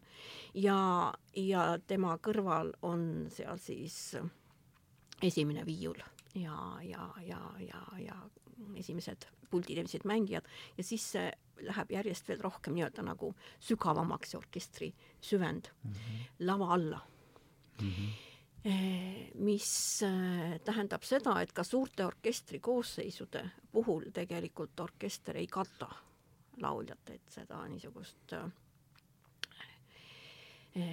tasakaalust, kõlalise tasakaalustamatuse hirmu ei ole ja aga samas me peame silmas pidama, et tõesti ainuke Wagneri äh, muusikadraama, mis otseselt on nüüd kirjutatud selle teatri akustikat ja seda mm, nähtamatut orkestrit arvestades mm, -hmm. on Parsifal. ja muidugi see Parsifali kõla Bairotis on tõepoolest eriline just nimelt see nähtamatu orkester ja, ja vokaal ja nii edasi, kuna see on konkreetselt selle saali jaoks mm -hmm. kirjutatud. sa räägid, kindlasti see Parsifalist on huvitav kuulda. tähendab, ma küsin, et seal Bayreuthes siis dirigenti rahvas ei näe? ei. ja orkestrit ka samuti mitte? ta Nietzsche'l üks motiiv, huvitav motiiv, mis ta siin Wagneriga seoses esile toob, on see, et alates Wagnerist on kõige tähtsamad etenduskunstnikud mm.. Äh, heliloojast tähtsam on dirigent. Äh, on noh, mis, mis seal veel on, eks ju, selline noh, näitleja, see, kes on nii-öelda kõige suurem, kõige suurem näitleja, näitleja seal orkestris. Mm,, tähendab, temal pidi ikka olema selline mulje, et siis noh, dirigent on paista, eks ju, kuidagi või mingi tähendab just see sellise äh, interpreedi, eh, Nietzsche arust on just selline interp-, interpreedi tähtsustumine looja ees on üks üks kultuuri tulemusi ja siis no ja sellega ta ei ole väga õnneline, selle üle ta ei ole õnneline. ei meeldi ja, ja, ja kui me tänapäeval tõepoolest vaatame, võib-olla see on niisugune delikaatne küsimus, siis me näeme, et noh, et tõepoolest dirigent, need, kes maailmas tegutsevad, need on ju tohutult, tohutult täht-, tähtsad, kui raske on neid kohti saada, kuidas räägitakse, kes kus on peadirigent. Äh, mõnikord on ju ta heliloojast märksa tähtsamgi. et äh, ma ei tea, miks see nii on, võib-olla muusika inimene oskab seletada, et, et, et äh, aga aga, aga see on üks motiiv, vot mis, mis Nietzsche siin välja toob, et niisugune nii-öelda näitlemise, näitamise olulisuse suurenemine muusika esitamisel? Jaa, jaa, see on, see on tõesti nii, aga, aga sellega mul ühendub veel see Nietzsche mõte või ka etteheide Wagnerile, et Wagner liiga palju lähtub žestist, geberde saksa mhm, keeles uh, -huh. eks ole, et ähm, et see ongi tema komponeerimise alus, kõigepealt suur žest ja siis sinna asi ümber.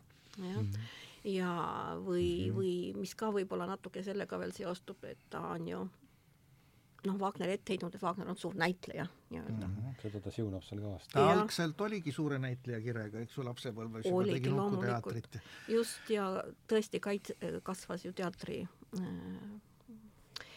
atmosfääris täiesti üles, nii et noh, koolipoisina tundis ta tead-, teatri taguseid nii-öelda ja teatri mm -hmm. mehaanikat, teatri tehnilisi võimalusi juba väga hästi.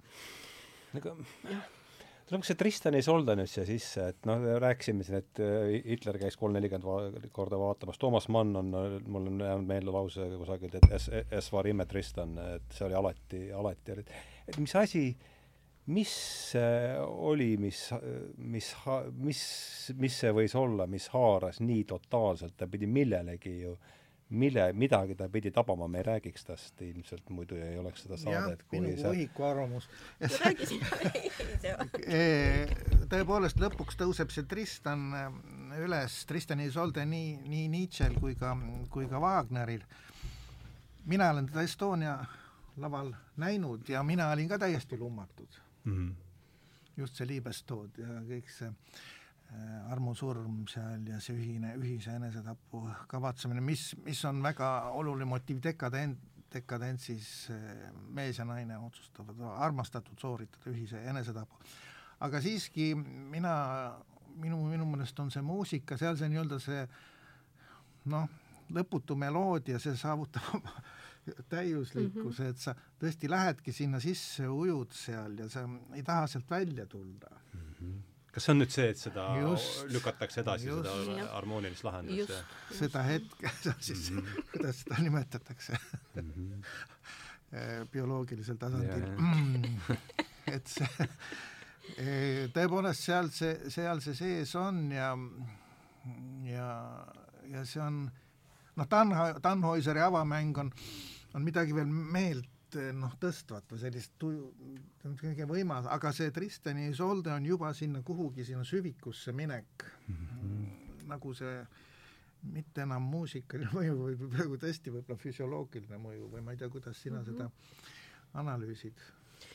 jaa, ei, ma olen täiesti äh, sinuga äh, nõus, puhtmuusikaliselt vaadatuna kui äh, Wagner seda kirjutas ja selle lõpetas äh, tuhande kaheksasaja viiekümnendate lõpul, kui ma ei eksi, oli see viiskümmend üheksa Veneetsias, siis see oli radikaalselt uus, see oli täiesti radikaalselt uus, mis oli Tristan siis ja Soldes ja juba mm, selle lõputu meloodia mm -hmm. tõttu, eks ole, millest siin juttu oli, jah, ja ebapüsiv harmoonia, mis, eks ole, otsib lahendust kogu aeg samuti orkestri kasutamine suurorkestri koosseisega, mitte lihtsalt, et suurorkestri koosseis, vaid see, kuidas pillitämbrid mõjutavad karaktereid, muusikalisi karaktereid. Eh, ja kuidas see on see pilli... see keel, see semiootika, eks ju, muusika kui keel. just, just, pillitämber, eks ole, kõlavärv. et kuidas see pillitämber võib ka ju kuulaja vastuvõttu väga tugevalt mõjutada tegelikult ja tundub, et Van-, Wagner oli väga noh, hea vaistuga muusikaline psühholoog. just mm., täpselt ja, ja võtsid äh, sõnad ja, suust, ma ei oleks osanud seda nii hästi formuleerida, ühesõnaga Tristan Isolde, Isolde on muusikaliselt tõesti süvapsühholoogia. võiks äh, niimoodi öelda. ja, ja muidugi selle oma niisuguse voogamisega, nagu sa ütled, väga endasse haariv ja tõesti ta või võib-olla isegi füsioloogiliselt äh, mõjuv. aga mis ma tahtsin veel mainida, kui ma ütlesin, et radikaalselt uus, et äh, alguses püüdis äh, Wagner seda lasta lavale tuua Viinis kus Viini uue ooperis, kus tehti üle seitsmekümne proovi ja ei saadud -hmm. hakkama ja siis oli see esietendus Münchenis tuhat kaheksasada kuuskümmend viis juba tänu Ludwig teisele mm -hmm. tema protežeerimisele mm. -hmm sest äh, siis juba hakkas see äh, Ludwig teise metseenlus ja, ja, ja tõesti sai võimalikuks, ühesõnaga leiti sellised jõud, sellised lauljad äh,, orkestrimängijad, dirigent kes, kes suutsid teda ette kanda ja sealt edasi, ühesõnaga teatud mõttes Tristan Isolde, ta puudutab ju nii paljusid närve üheksateistkümnendal sajandil mm., eriti romantilises esteetikas, aluta-, alustades öö, armastus, kõik, kõik, kõik, mis, mis seal kaugused, kui me mõtleme esimesele vaatusele, mis toimub laeval, mille tegevus toimub laeval, eks ole. ja, ja muidugi siis lõpuks Isolde armusurm ja mm, selle Tristani äh, laiba kõrval, eks ole, surma ja äh, armastuse ühendamine, surma ja öö ühendamine ja, ja nagu sa rääkisid, ka see seos dekadentsiga mm., mis seal on tugev. et see oli väga suure mõjuga, aga ma ütleks ka, et see on ka muusikaline mõju, mis seal on tõesti, tõesti, tõesti väga tugev ja, ja see radikaalsus omakorda toimis ikkagi nii, et et ka veel üheksateistkümnenda sajandi lõpul, kahekümnenda sajandi alguses Tristan ja Isoldes oli ikka veel justkui uus muusika mm. -hmm. ehkki juba oli tulemas Schönberg ja, ja noh, oligi juba olemas Schönberg mm. -hmm. ja, ja, ja ikka ta mõjus veel niimoodi nagu erilisena mm. -hmm.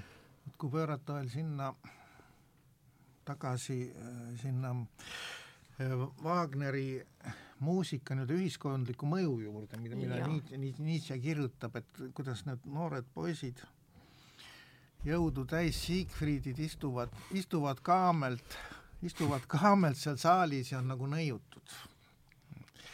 Äh, mis, mis juhtus ka Adolf Hitleriga, kui ta mm -hmm. Rientsit Lintsi, Lintsi -hmm. küll maakonnateatris, aga kuulis, et see, et see,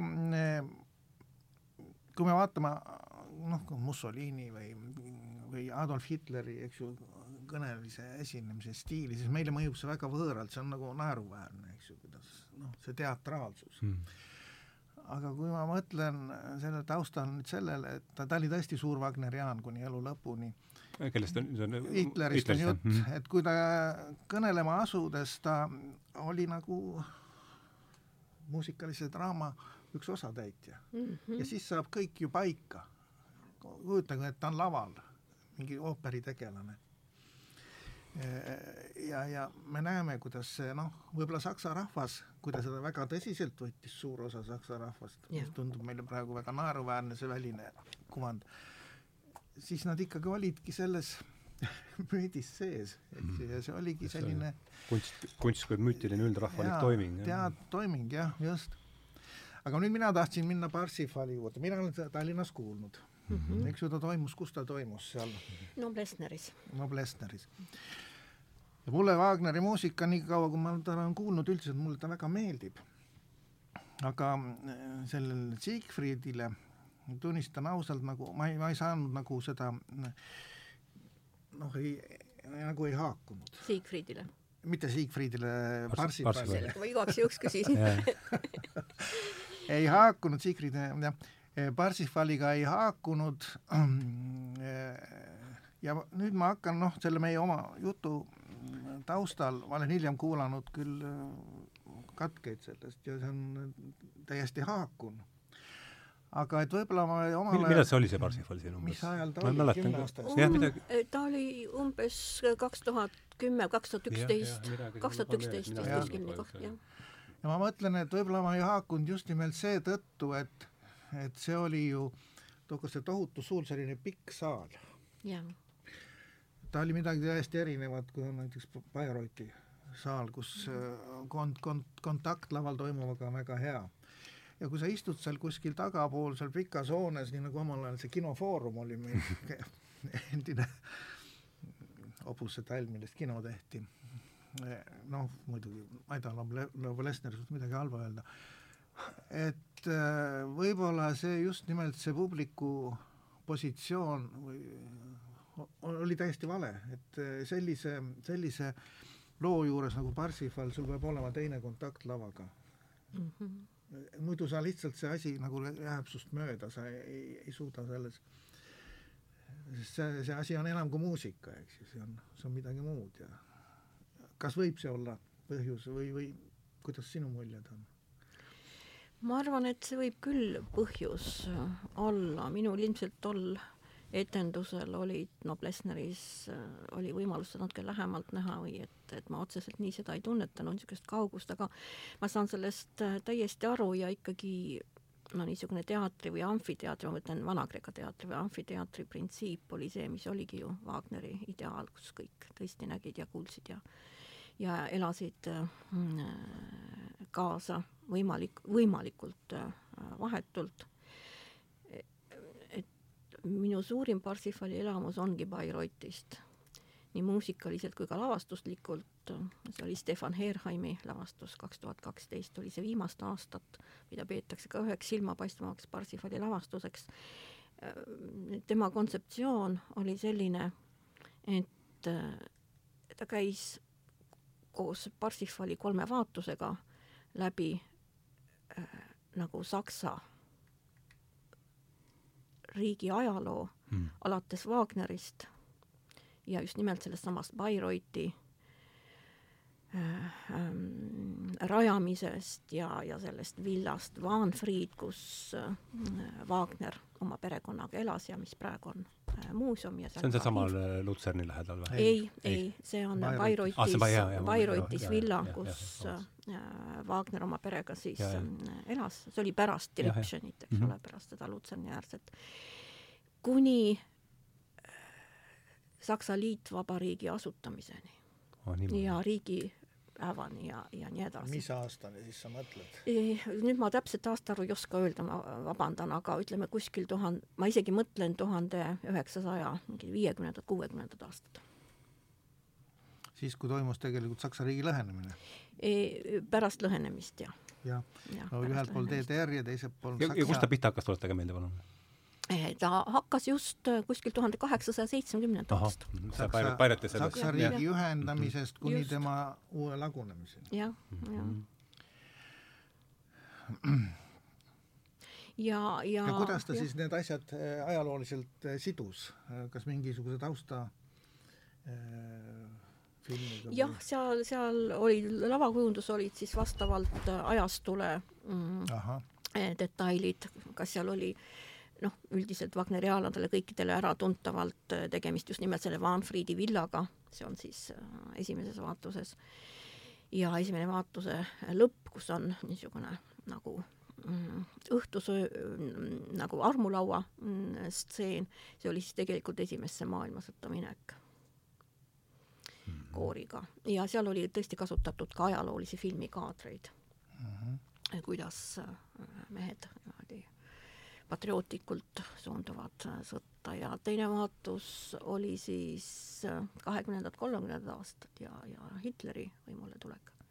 ja kogu see katastroof ja kolmas vaatus algas siis sellega, mis oli pärast katastroofi, ühesõnaga see täiesti, täiesti varemeis tuhastunud Saksamaa mm. -hmm. oli see algus, kolmanda vaatuse algus. jah, Hitleri võimutulek ei olnud sugugi mitte katastroof, see oli Ja, uus ja. algus. ja, ja, ja, ja. aga noh, tagantjärele jah, tõlgendus on öö, selle läbi, kuhu asi viis, oli see Ja. algus ja jah, noh, see on lihtsalt äh, üks variant ja, ja aga see oli väga hästi põhjendatud, ma ei ütle, et, et tingimata mm -hmm. peaks see nii olema. Aga siit tulebki võib-olla ma korraks toon ühe järgmise teema sisse. see Wagneri muusikadraamade aktuaalsus. iseenesest on ju hämmastav, kui palju Wagnerit lavastatakse. kui palju vara, lavastatakse Nibelungi sõrmust kas alati ikka täisorkestri kujul või ka täis, lihtsustatult? täisorkestri et see, see ei tule enam tänapäeval kõne alla, et sa no see võib kõne alla tulla üldiselt mm, -hmm. üldiselt kui, kui, kui on mingi väiksem teater, linnateater, aga, aga üldjuhul muidugi, muidugi mitte. et, et, et see on hämmastav, mis näitab, et kas või Nibelungi sõrmuse puhul see Wagneri müüdiloome muidugi olemasoleva, olemasolevate müütide põhjal, ta võttis ju ka mitte ainult, eks ole, Germaani, vaid ka näiteks Islandilt, üldse neid Põhjamaade Ja, ja, kasutas, eks ole, mis jah. oli tal tegelikult nagu alati väga põhjalik, väga põhjalik eh, eeltöö. aga, aga et nende oma, oma ajal aktuaalsete müütide najal on Wagner ikka veel praegu aktuaalne, me ei saa öelda, et ta on vananenud ju. Vaata, müüt toimib edasi läbi aja, see on ajatu. no ma tean, see on kõik need müüdiuurijad. seda ütleb jah. Fillman, keda ma olen siin palju mõjutanud, et uh, myth, myths never were, they always are. jah, just see on aga mis minule jäi nüüd kõrva siit, et mina olen vaadanud Nietzsche't nüüd ka just sellest vaatevinklist, nagu ütleb Richard Tarnas, et Nietzsche on süvapsühholoogia ristiisa ja ja nüüd käis läbi, et Tristan ja Isolde on ma ei tea, kuidas see täpselt sõnastus oli, ma panin kirja, et Tri- Tristan ja Isolde on süvapsühholoogia, et äh, et tundub, et kui need kaks asja kokku võtta, siis äh, ei ole mitte Nietzsche süvapsühholoogia ristiisa, vaid, vaid on hoopis äh, Wagner ja Ja. ja, kui me tegime siin saate, oligi süvapsühholoogia ristiisa era, eraldi veel mm, -hmm. oli vist Jaanus Sooveli ja järsku oli Siim Vill, kes, ma mäletan, Jaanus rõhutas eriti, et äh, Freud olevat öeldud, et tema ei ole Nietzsche't lugenud, et tema on selle kõik ise, ise välja mõelnud, et võib-olla on siin pool tundi minna veel, et et see on mind see, see on just see nurk, mis mind siin eriti huvitab selles kogu selles, loos, see süvapsühholoogia nurk, et mis tuu, mis tuu teie arvates on ja ja kuidas need kaks äh, siis, et nüüd on, oleme rääkinud päris pika, on kuidagi Wagneri äärde see serv läinud, aga et et tooks ta nüüd jälle Nietzsche juurde tagasi just selles, äh, selles süvapsühholoogia kontekstis ja veel kord, see on see, mis mind siin ja, ja, eriti huvitab. Et kuidas te sellest üldse aru saate, sellest süvapsühholoogia mõistest, mis see teie arvates on, et no mina ei tea, kes see ristiisa on, igaüks, noh, ristiisasid võib ju nii no see kõik, üks jah ja,, see ei ole ju kivisse raiutud. aga nüüd Nietzsche't tõlkides ma lugesin ka Wagneri kirjatöid mm. -hmm. mitte ainult ei kuulanud muusikat. ja Wagneri kirjades ma ei oska nüüd tsiteerida, ma ei jätnud ka midagi otseselt meelde, aga seal käib lausa see, noh, see süva süvapsühhol-, no mitte küll otse see mõiste, aga enam-vähem sellele sarnane, sarnased mõisted käivad ju pidevalt läbi. ma isegi üllatusin nii palju, et mhm. noh, mitte ainult muusika ise teda kuulates, vaid, vaid ka verbaalselt ta väljendub, väljendub täiesti sellises süvapsühholoogilises võtmes. kas siin, vot kui me, kui me leiame selle koha, kus ta räägib Elsast Elsa mm -hmm. on otsingusõna, jah? jah, mis mm -hmm. ja mida Wagner ütleb Elsa kohta? Elsa, ahah. kas see on see umbes, et Wagneril oli vaja kirjandust, et veenda, see on siis äh, kakskümmend kaheksa lehekülge leian mina Elsa ah.. nii. ja rohkem ei tule mul Elsat siit praegu. nii, nii ja siin on see, jaa ja mida tähendab, noh, Elsa on siis Lohengrini naispeategelane, eks ju mm,. rahva teadmustamata vaim. mis tähendab Elsa? aga pole kahtlust mm. -hmm. Elsa on ja siis on tsitaat, vaadake nüüd, rahva teadvustamata vaim. mis ta siis on ka unbevuste või? vot ma ei mäleta nüüd, mis seal ma arvan küll, jah. mis seal, mis seal saksa keeles oli mm, -hmm. aga asi on ju, on täiesti ühemõtteline mm, -hmm. et see mhm. ongi see, noh, see tähendab see jah, rahva nii-öelda noh, temast kõneleb nii-öelda rahva alateadvus. Mhm. seda ta, ta, ta ei kasuta alateadvuse mõistet, aga ta on, mõtleb sedasama asja. ja seda on Wagneril küllaltki palju ja see, mille üle on ka naerdud palju, et noh, et ka alati on kuskil midagi seal sügavuses mm. -hmm. ja et samas on kõik väga väline, aga, aga, aga vihjed, kogu aeg peavad olema mingisugused vihjed, aimamised kuhugi sügavusse, tagamaade sügavuses ja selles mõttes ta on loomulikult haaras sinnasamma kanti mm. -hmm. jaa, täiesti äh, nõus. Wagneril ju see, nagu siin juba oli, das Unbewusste ja Unbewusstsein ja, ja kõik niisugused mm, märksõnad me tõesti leiame Wagneri esseedest või, või kirjadest. Neid äh, küllalt äh, palju ja ma jälle nüüd natuke kordan ennast, et äh, tegelikult muusikas või ütleme siis muusikateatris, ooperis, muusikadraamas just orkester on nende võimalustega, et anda edasi seda alateadvust mm. -hmm. orkestri selline, üks asi on kommenteeriv roll, aga teine on just mingite peente psühholoogiliste nüansside edasiandmine, mida ei pruugi üldse helilooja ise ka enda jaoks ju sõnastada, aga, aga ka tema võib seda alateadvuslikult edasi anda või võib ta seda ka teha mm, teadlikumalt mingisuguste äh, ka jälle näiteks orkestri pillitämbrite, mingisuguste harmooniate kasuks otsustades äh, loomeprotsessis. aga, aga jälle Tristan ja Isolde, et seal tõesti see kogu see orkestri osa on nagu üks alateadvus mm. -hmm. orkester kui alateadvuse mm. -hmm. no see ongi see dion-, dionüüsilisus, siis see, mis mm, -hmm. mida ei saa allutada, noh. kuidas see oli veel? või siis ütleme, see Schopenhaueri see elu, elutahe, eks ju. jah, jah jah, olemise allumatud ürgtunge väljendav Dionüüsiline, jah, see oli ilus sõnastus. jah, jah. et see ongi jah, see noh, seal on siis pealispinnal mitmeid eh, selliseid väljendusi nagu saatus, Vana-Kreeka saatus mm. -hmm. saatusest ei kõnni keegi ära. isegi Zeus ei saanud mõjurade vastu, mäletan, mäletan mina sellist lauset kuskilt. Oidipus ju püüdis kogu oma elu saatusest, oma kurvast saatusest pääseda, aga seda enam ta seda teostas mm. -hmm. et see jah, selline aga muidugi jah, äh, äh, Schopenhauer siis andis, andis omal ajal ka ju võimaluse, et see kunsti, kunstilooming või lihtsalt kontemplatsioon on, on võimalus sellest, seda ignoreerida, siiski see, selle elutahte nii-öelda türanniat, kuigi see võib osutuda näiliseks. jah ja Schopenhauerist me oleme täna mööda läinud, aga ta oli mõlemale mõ,, ta korra vist oli siin, käis läbi küll, aga ma saan aru, et ta on mõlemale sellest sai alguse, nagu öeldakse, Nietzsche ja, ja Wagneri kõnelused sealsamas Tripšenis et mm -hmm. Nietzsche kuskil ütlebki, sõbrale kirjutab, et äh, Wagneriga kõnelda, see on nagu olla Schopenhaueri seminaris. just täpselt ja, ja, ja, ja. see neid ühendas siis? Wagner luges korduvalt, ma ei tea, mitu korda ta selle Maailm kui tahe ja kujutlus läbi luges mm, -hmm. ei häbenenud seda öelda.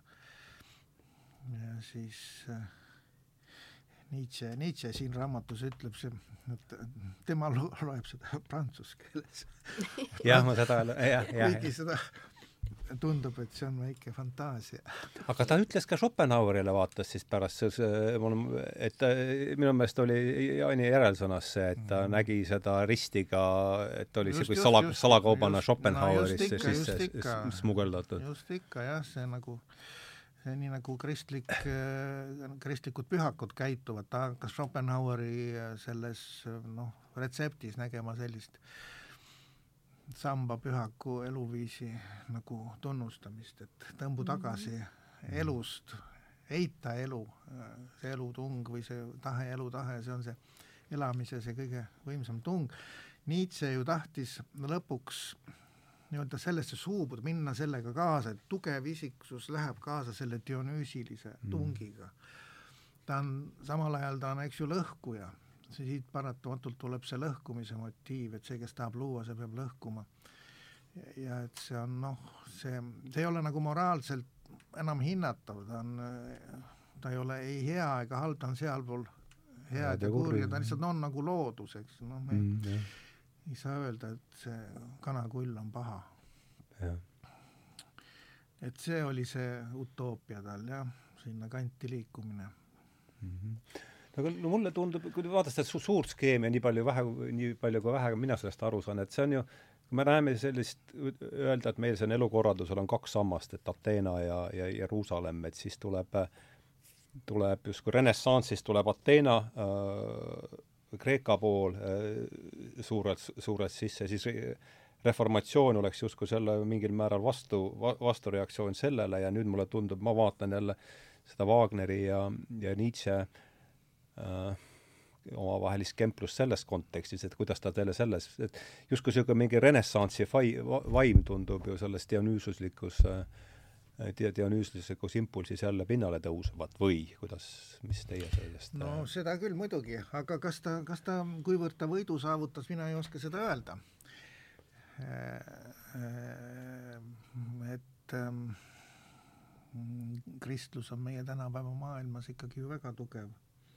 me ei saa -hmm. öelda, et Jumal on surnud, nagu, nagu Nietzsche ennustas, et on olnud palju jumalasalgajaid ja, ja sellist noh, nii-öelda paganlikku inspiratsiooni, mis iseenesest on olnud väga ilusaid tagajärgi, aga samas ei ole nagu mingisugusest ühesest lahendusest ei saa ju rääkida.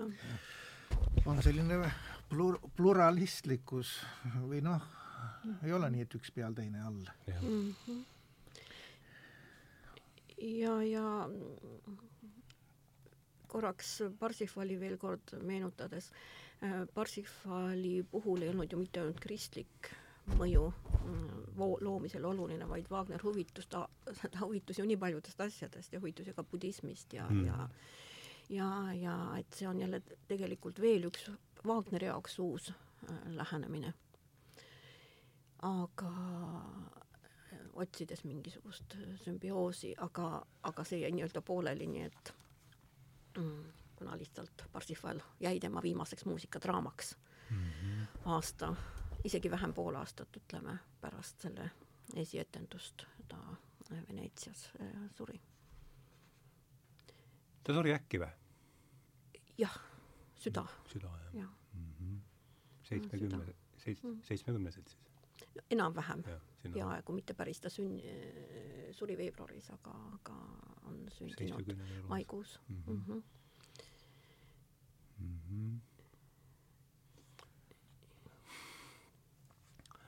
Et võib-olla see dio-, dionüüsiline aspekt, ma nüüd natuke fantaseerin, on edasi kandunud pigem selles, kuidas Wagnerit lavale tuuakse. mm. -hmm. ma mõtlen just nimelt ähm, teaterlikkus äh,, väga julged tõlgendused, mm -hmm. jah. Et, et, see on võib-olla see, kus, kus see dionüüsilisus on väga tugev. või mis sina arvad? mina mõtlen seda, et jah, see Wagner kirjutab Parsifal, eks ju, ta on ka Parsifal algses selles eeposes mm -hmm. Wolfram von Eschen, Eschenbachi, Mm -hmm. mitte Eschenbach, Wolfram von ikkagi Eschen- Eschenbach, jah. mulle on väga meeldinud see, tähendab iseenesest see Parsifal, see on võib-olla läheb jutt nagu kõrvale, aga on minu jaoks väga sümpaatne tegelane olnud, sest tema ju kehastab Nietzsche küsib, et miks oli vaja võtta sellise noh, viimaseks jäänud ooperi peategelaseks selline selline pimeloom ja, Jah, Rainer Toor, ullik ja ja looduslaps. Parsifal, Mm -hmm. kellest ta nii reetlike vahenditega teeb viimaks katoliiklase. ja seda ma, Eh, Parsifal on selline tegelane, kes ju algselt kehastab seda, et, et, ähm, et äh, sa saad nii-öelda tasu või jõuad oma tulemusele siis, kui sa äh, teed seda omakasu püüdmatult või et see juba see Graali loss, kuhu ta satub, Graali loss on selline, kõiki, kõik, kõik tahavad jõuda lõpuks Graali lossi, aga need, kes otsivad teadlikult Graali lossi, Graali lossi otsivad, need seda iialgi ei leia. sinna saab sattuda vaid nii-öelda juhuslikult, siis kui sa otsid mingisugust noh, väärtust ja, ja siis äkki sa näed, sa oledki Graali lossis, aga kui ja. sa lähed seda Graali lossi otsima, siis sa, siis sa sinna ei jõua, teadlikult ja. sinna ei jõua. Ja kui ja. sa seal lossis siis äkki oled, siis sa Parsifalina, siis sa pead midagi spontaanselt noh, pakkuma oma abi teistele. see peab tulema ka spontaanselt, see küsimus, et miks, miks sa oled selline, miks sa kannatad, miks sa oled haavatud, eks ju mm -hmm.. vaat selline spontaansuse ideoloogia on selles mm. -hmm. et Parsifalis siis? Parsifali kujus niimoodi jah, ütleme, kui sa sellise keskaegse traditsiooni järgi võtad ja, ja noh, mina saan väga hästi aru, miks, miks Wagner ta võttis selliseks suureks peategelaseks, et noh, ta omamoodi ju kehastab seda, et sa võib-olla, võib-olla tegelikult midagi sellist, mida Wagner ise elus isikuna ei, ei suutnud nii hästi kehastada, et sa ei otsi edu, sa ei lähe edu peale välja, vaid sa lähed millegi muu peale välja ja see edu on see ka praasprodukt, see nii-öelda see king, kingitus seal peal. see Huxley ütleb ühes kohas, et see on gratu-, gratuitous grace või et, et katoliiklased nimetavad seda gratuitous grace, mis siis tähendaks mingi, ma ei tea, teenimatu armuand või jah, ja see on mida, ju ka eksistentsialism, mis kuidagi... nii-öelda jah, see selline noh, tahtmatu või ütleme, no mitte juhuslik, ta ei saa olla juhuslik, aga ta on selline tegu, spontaanne tegu, mis loob mingi väärtuse, et see on nagu selline mm -hmm. oluline asi.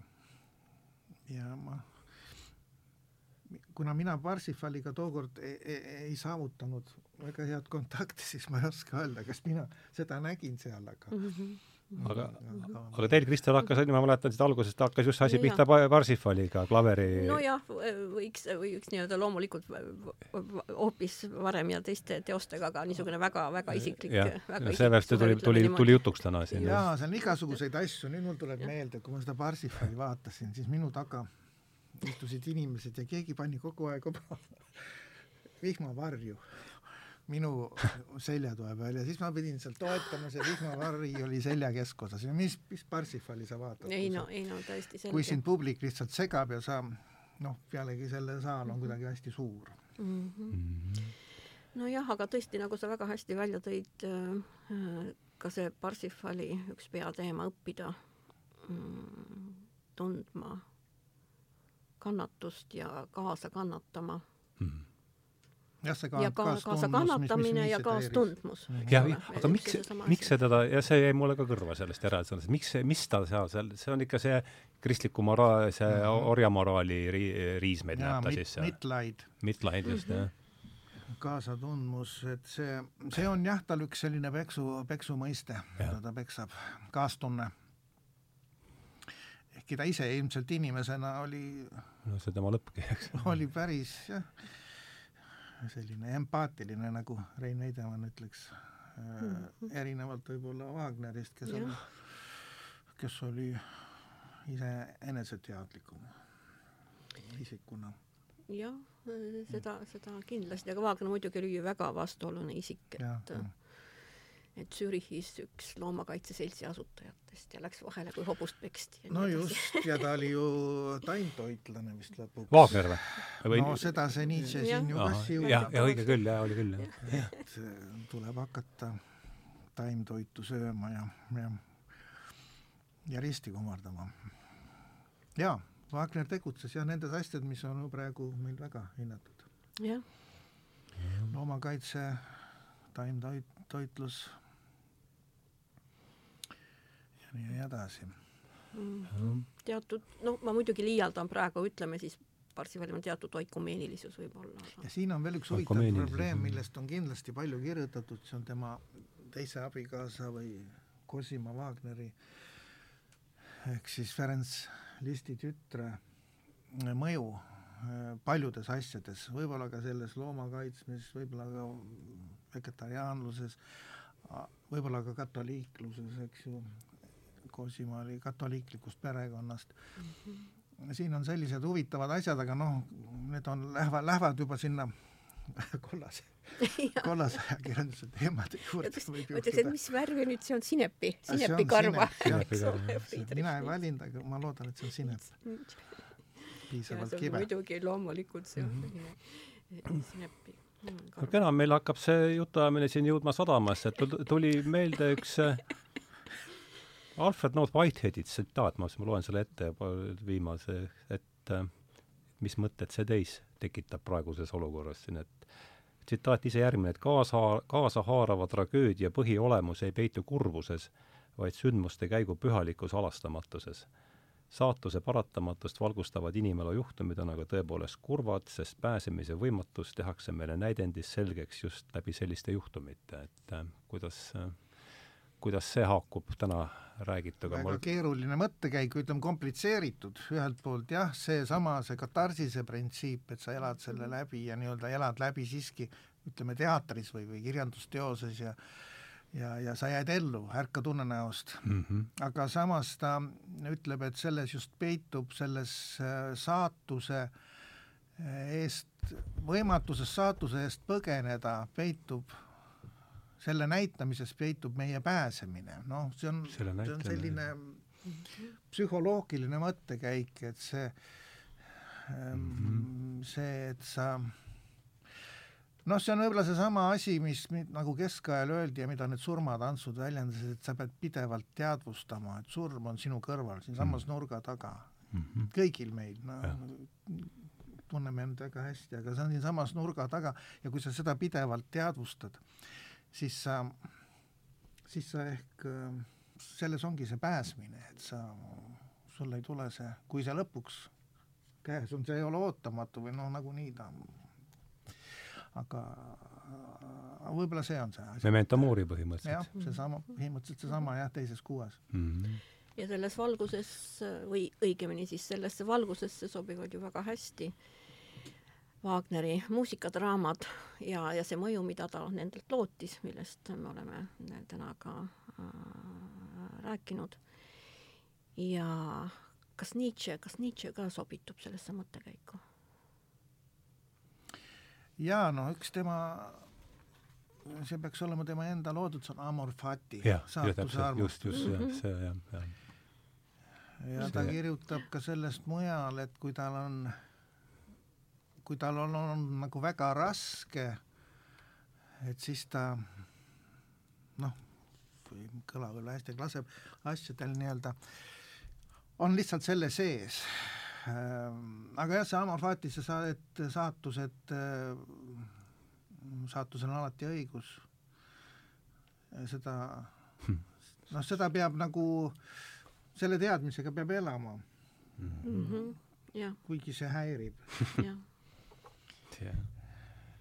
ja, siin tundub, et nagu see räägiks vastu sellisele üli, üliinimese, üleinimese, üli, übermenši ideele, kes äh, kes, kes justkui noh, läheb oma isikliku tahtega kuhugi sinna, kuhu ta läheb, aga, aga me näeme, et Nietzsche'l on see teine pool ka olemas, see üli, üliinimene on just nimelt see, kes teab, et, et et lõpuks ta elab oma saatust, aga ta on nagu noh, kuidas öelda, seda teades või noh, teistmoodi öeldes, et teades, teades seda, et asi on on, on, kuidas nad ütlevad, asi on nii-öelda teades, et asi ei õnnestu teha, teha, teha kõik selleks, et see õnnestuks. Või midagi sarnast, selliseid ümberütlusi on üsna palju mm, -hmm. et asi on lootusetu teha parim, mis selle käe mitte..., selle käega annab, nende kaartidega annab mängida tõenäoliselt. jah, aga see teadmine peab nagu olema, et et see on nagunii, asi läheb nurja, aga tuleb tegutseda nõnda, nagu see õnnestuks hmm.. see on see selline tegutsemise põhimõte siis. see on see tema Amor Fati siis no, kvintessents mingi aeg, jah, väga hea. Ja see meenutab mulle ikkagi Nibelungi sõrmust ja näiteks Wotan, peajumal Wotan kes äh, tegelikult ka püüab tegutseda, püüab erivahenditega maailma päästa kullaneedusest hm., eri kangelastega, kellest mõni vahepeal hukkub. aga, aga tegelikult pole päris kindel, kas see kõik mitte ei nurju. See on see suur küsimus, mis on Nibelungi sõrmuse lõpus, kus viiulid mängivad väga kaunit lunastuse motiivi. aga et et mis saab pärast seda, me ei tea. jah, kahjuks me ei saa seda kuulata. no kena, me olemegi, kaks tundi on läinud linnutiivul, et äh, aeg äh, lõppsõnaks, et mis teile täna endale jäi või midagi sellist, mis oleks tahtnud öelda ja ma ei märganud küsida või midagi sellist, mis mis, äh, millele ei olnud varem mõelnud? mina sain piisavalt rääkida, ära öelda oma asju, ei oskagi enam kuidagi lõpetada, lihtsalt meeldiv oli vestelda teiega. alati arendav, mis on selle tagajärjed, need selguvad tulevikus. oli tõesti väga meeldiv ja sisukas ja inspireeriv vestlus ja tegelikult siit hargnes palju eri teemasid, mida kunagi ükskõik mil viisil saaks või võiks käsitleda ja mina sain siit ka uut teadmist aga eelkõige on tohutult hea meel, et meil on nüüd Jaan Unduski tõlkes olemas Nietzsche mm. esseed Wagneri juhtum ja Nietzsche kontra Wagner. mida aitäh, Nietzsche, vabandust, mida Nietzsche minu meelest ei tahtnud, et avaldatakse? See ava-, esimene teos avaldati veel tema jaa, aga ma mõtlen Nietzsche, Nietzsche kontroll. sellega ta jah, pani sisse, võttis välja asju, on e-, mitmed erinevad variandid, aga selle avaldasid tema sõbrad sajas eksemplaris ja. juba pärast tema vaimset Just. tuhmumist. Äh, aitäh selle see oli, see oli liialdada, mida ma tahtsin sellega seoses öelda, et ma, eh, kui ilmus Simon Blackburni, mis ta on, filosoofia Oxfordi filosoofia leksikon. Eesti keeles, eks ju, tõlkes kaks tuhat kaks. jah, seda kasutanud palju. see on äh, Mart, Märt Väljataja ja Bruno Möldri poolt hästi ka tõlgitud. mina vaatasin seda ka, korraks täna heitsin veel pilgu sisse mm -hmm. ja artikli Nietzsche all on seal aastal kaks tuhat kaks veel ainult kolm eestikeelset raamatut. Need on see Vast kristlane tuhat üheksasada kaheksateist, nõnda -hmm. kõneles Zaratustra tuhat üheksasada kolmkümmend kaks. Mhm, Semperi tõlkes siis Eh, Semperi redigeeritud, Johannes ah, Palla oli see ah õige jah, just, just, just, just. tõlkis, aga noh, ei olnud piisavalt niimoodi ja Semper käis asja üle. ja siis kolmandaks see Minu Ekti homo tuhat üheksasada üheksakümmend kuus, mis oli ainus teise maailmasõja järgne raamat. ta oli kaks tuhat kaks, nüüd kakskümmend aastat hiljem on meil juba olemas tragöödia sünd, mhm. eks ju, seal pole head kurja moraani genealoogiast ja see Vast Kristus, Vast Kristlane siis uuesti Antikristuse nimel uus tõlge. ja nüüd need kaks väike, mhm. väikest asja ja Lobjakal on ka Zaratustra uus tõlge. kui see on olemas, on pidi, väga pidi, hea. pidi olema jah, nii, nii ta väitis. ja tema väidetavalt siis tõlgib ka neid Nietzsche'st maha jäänud jah -hmm., järele jäänud töid, mis on, mis on filosoofidele kõige armsamad, sest just, nemad arvavad just. ikka, et sahtlipõhjas on see kõige suurem väärtus.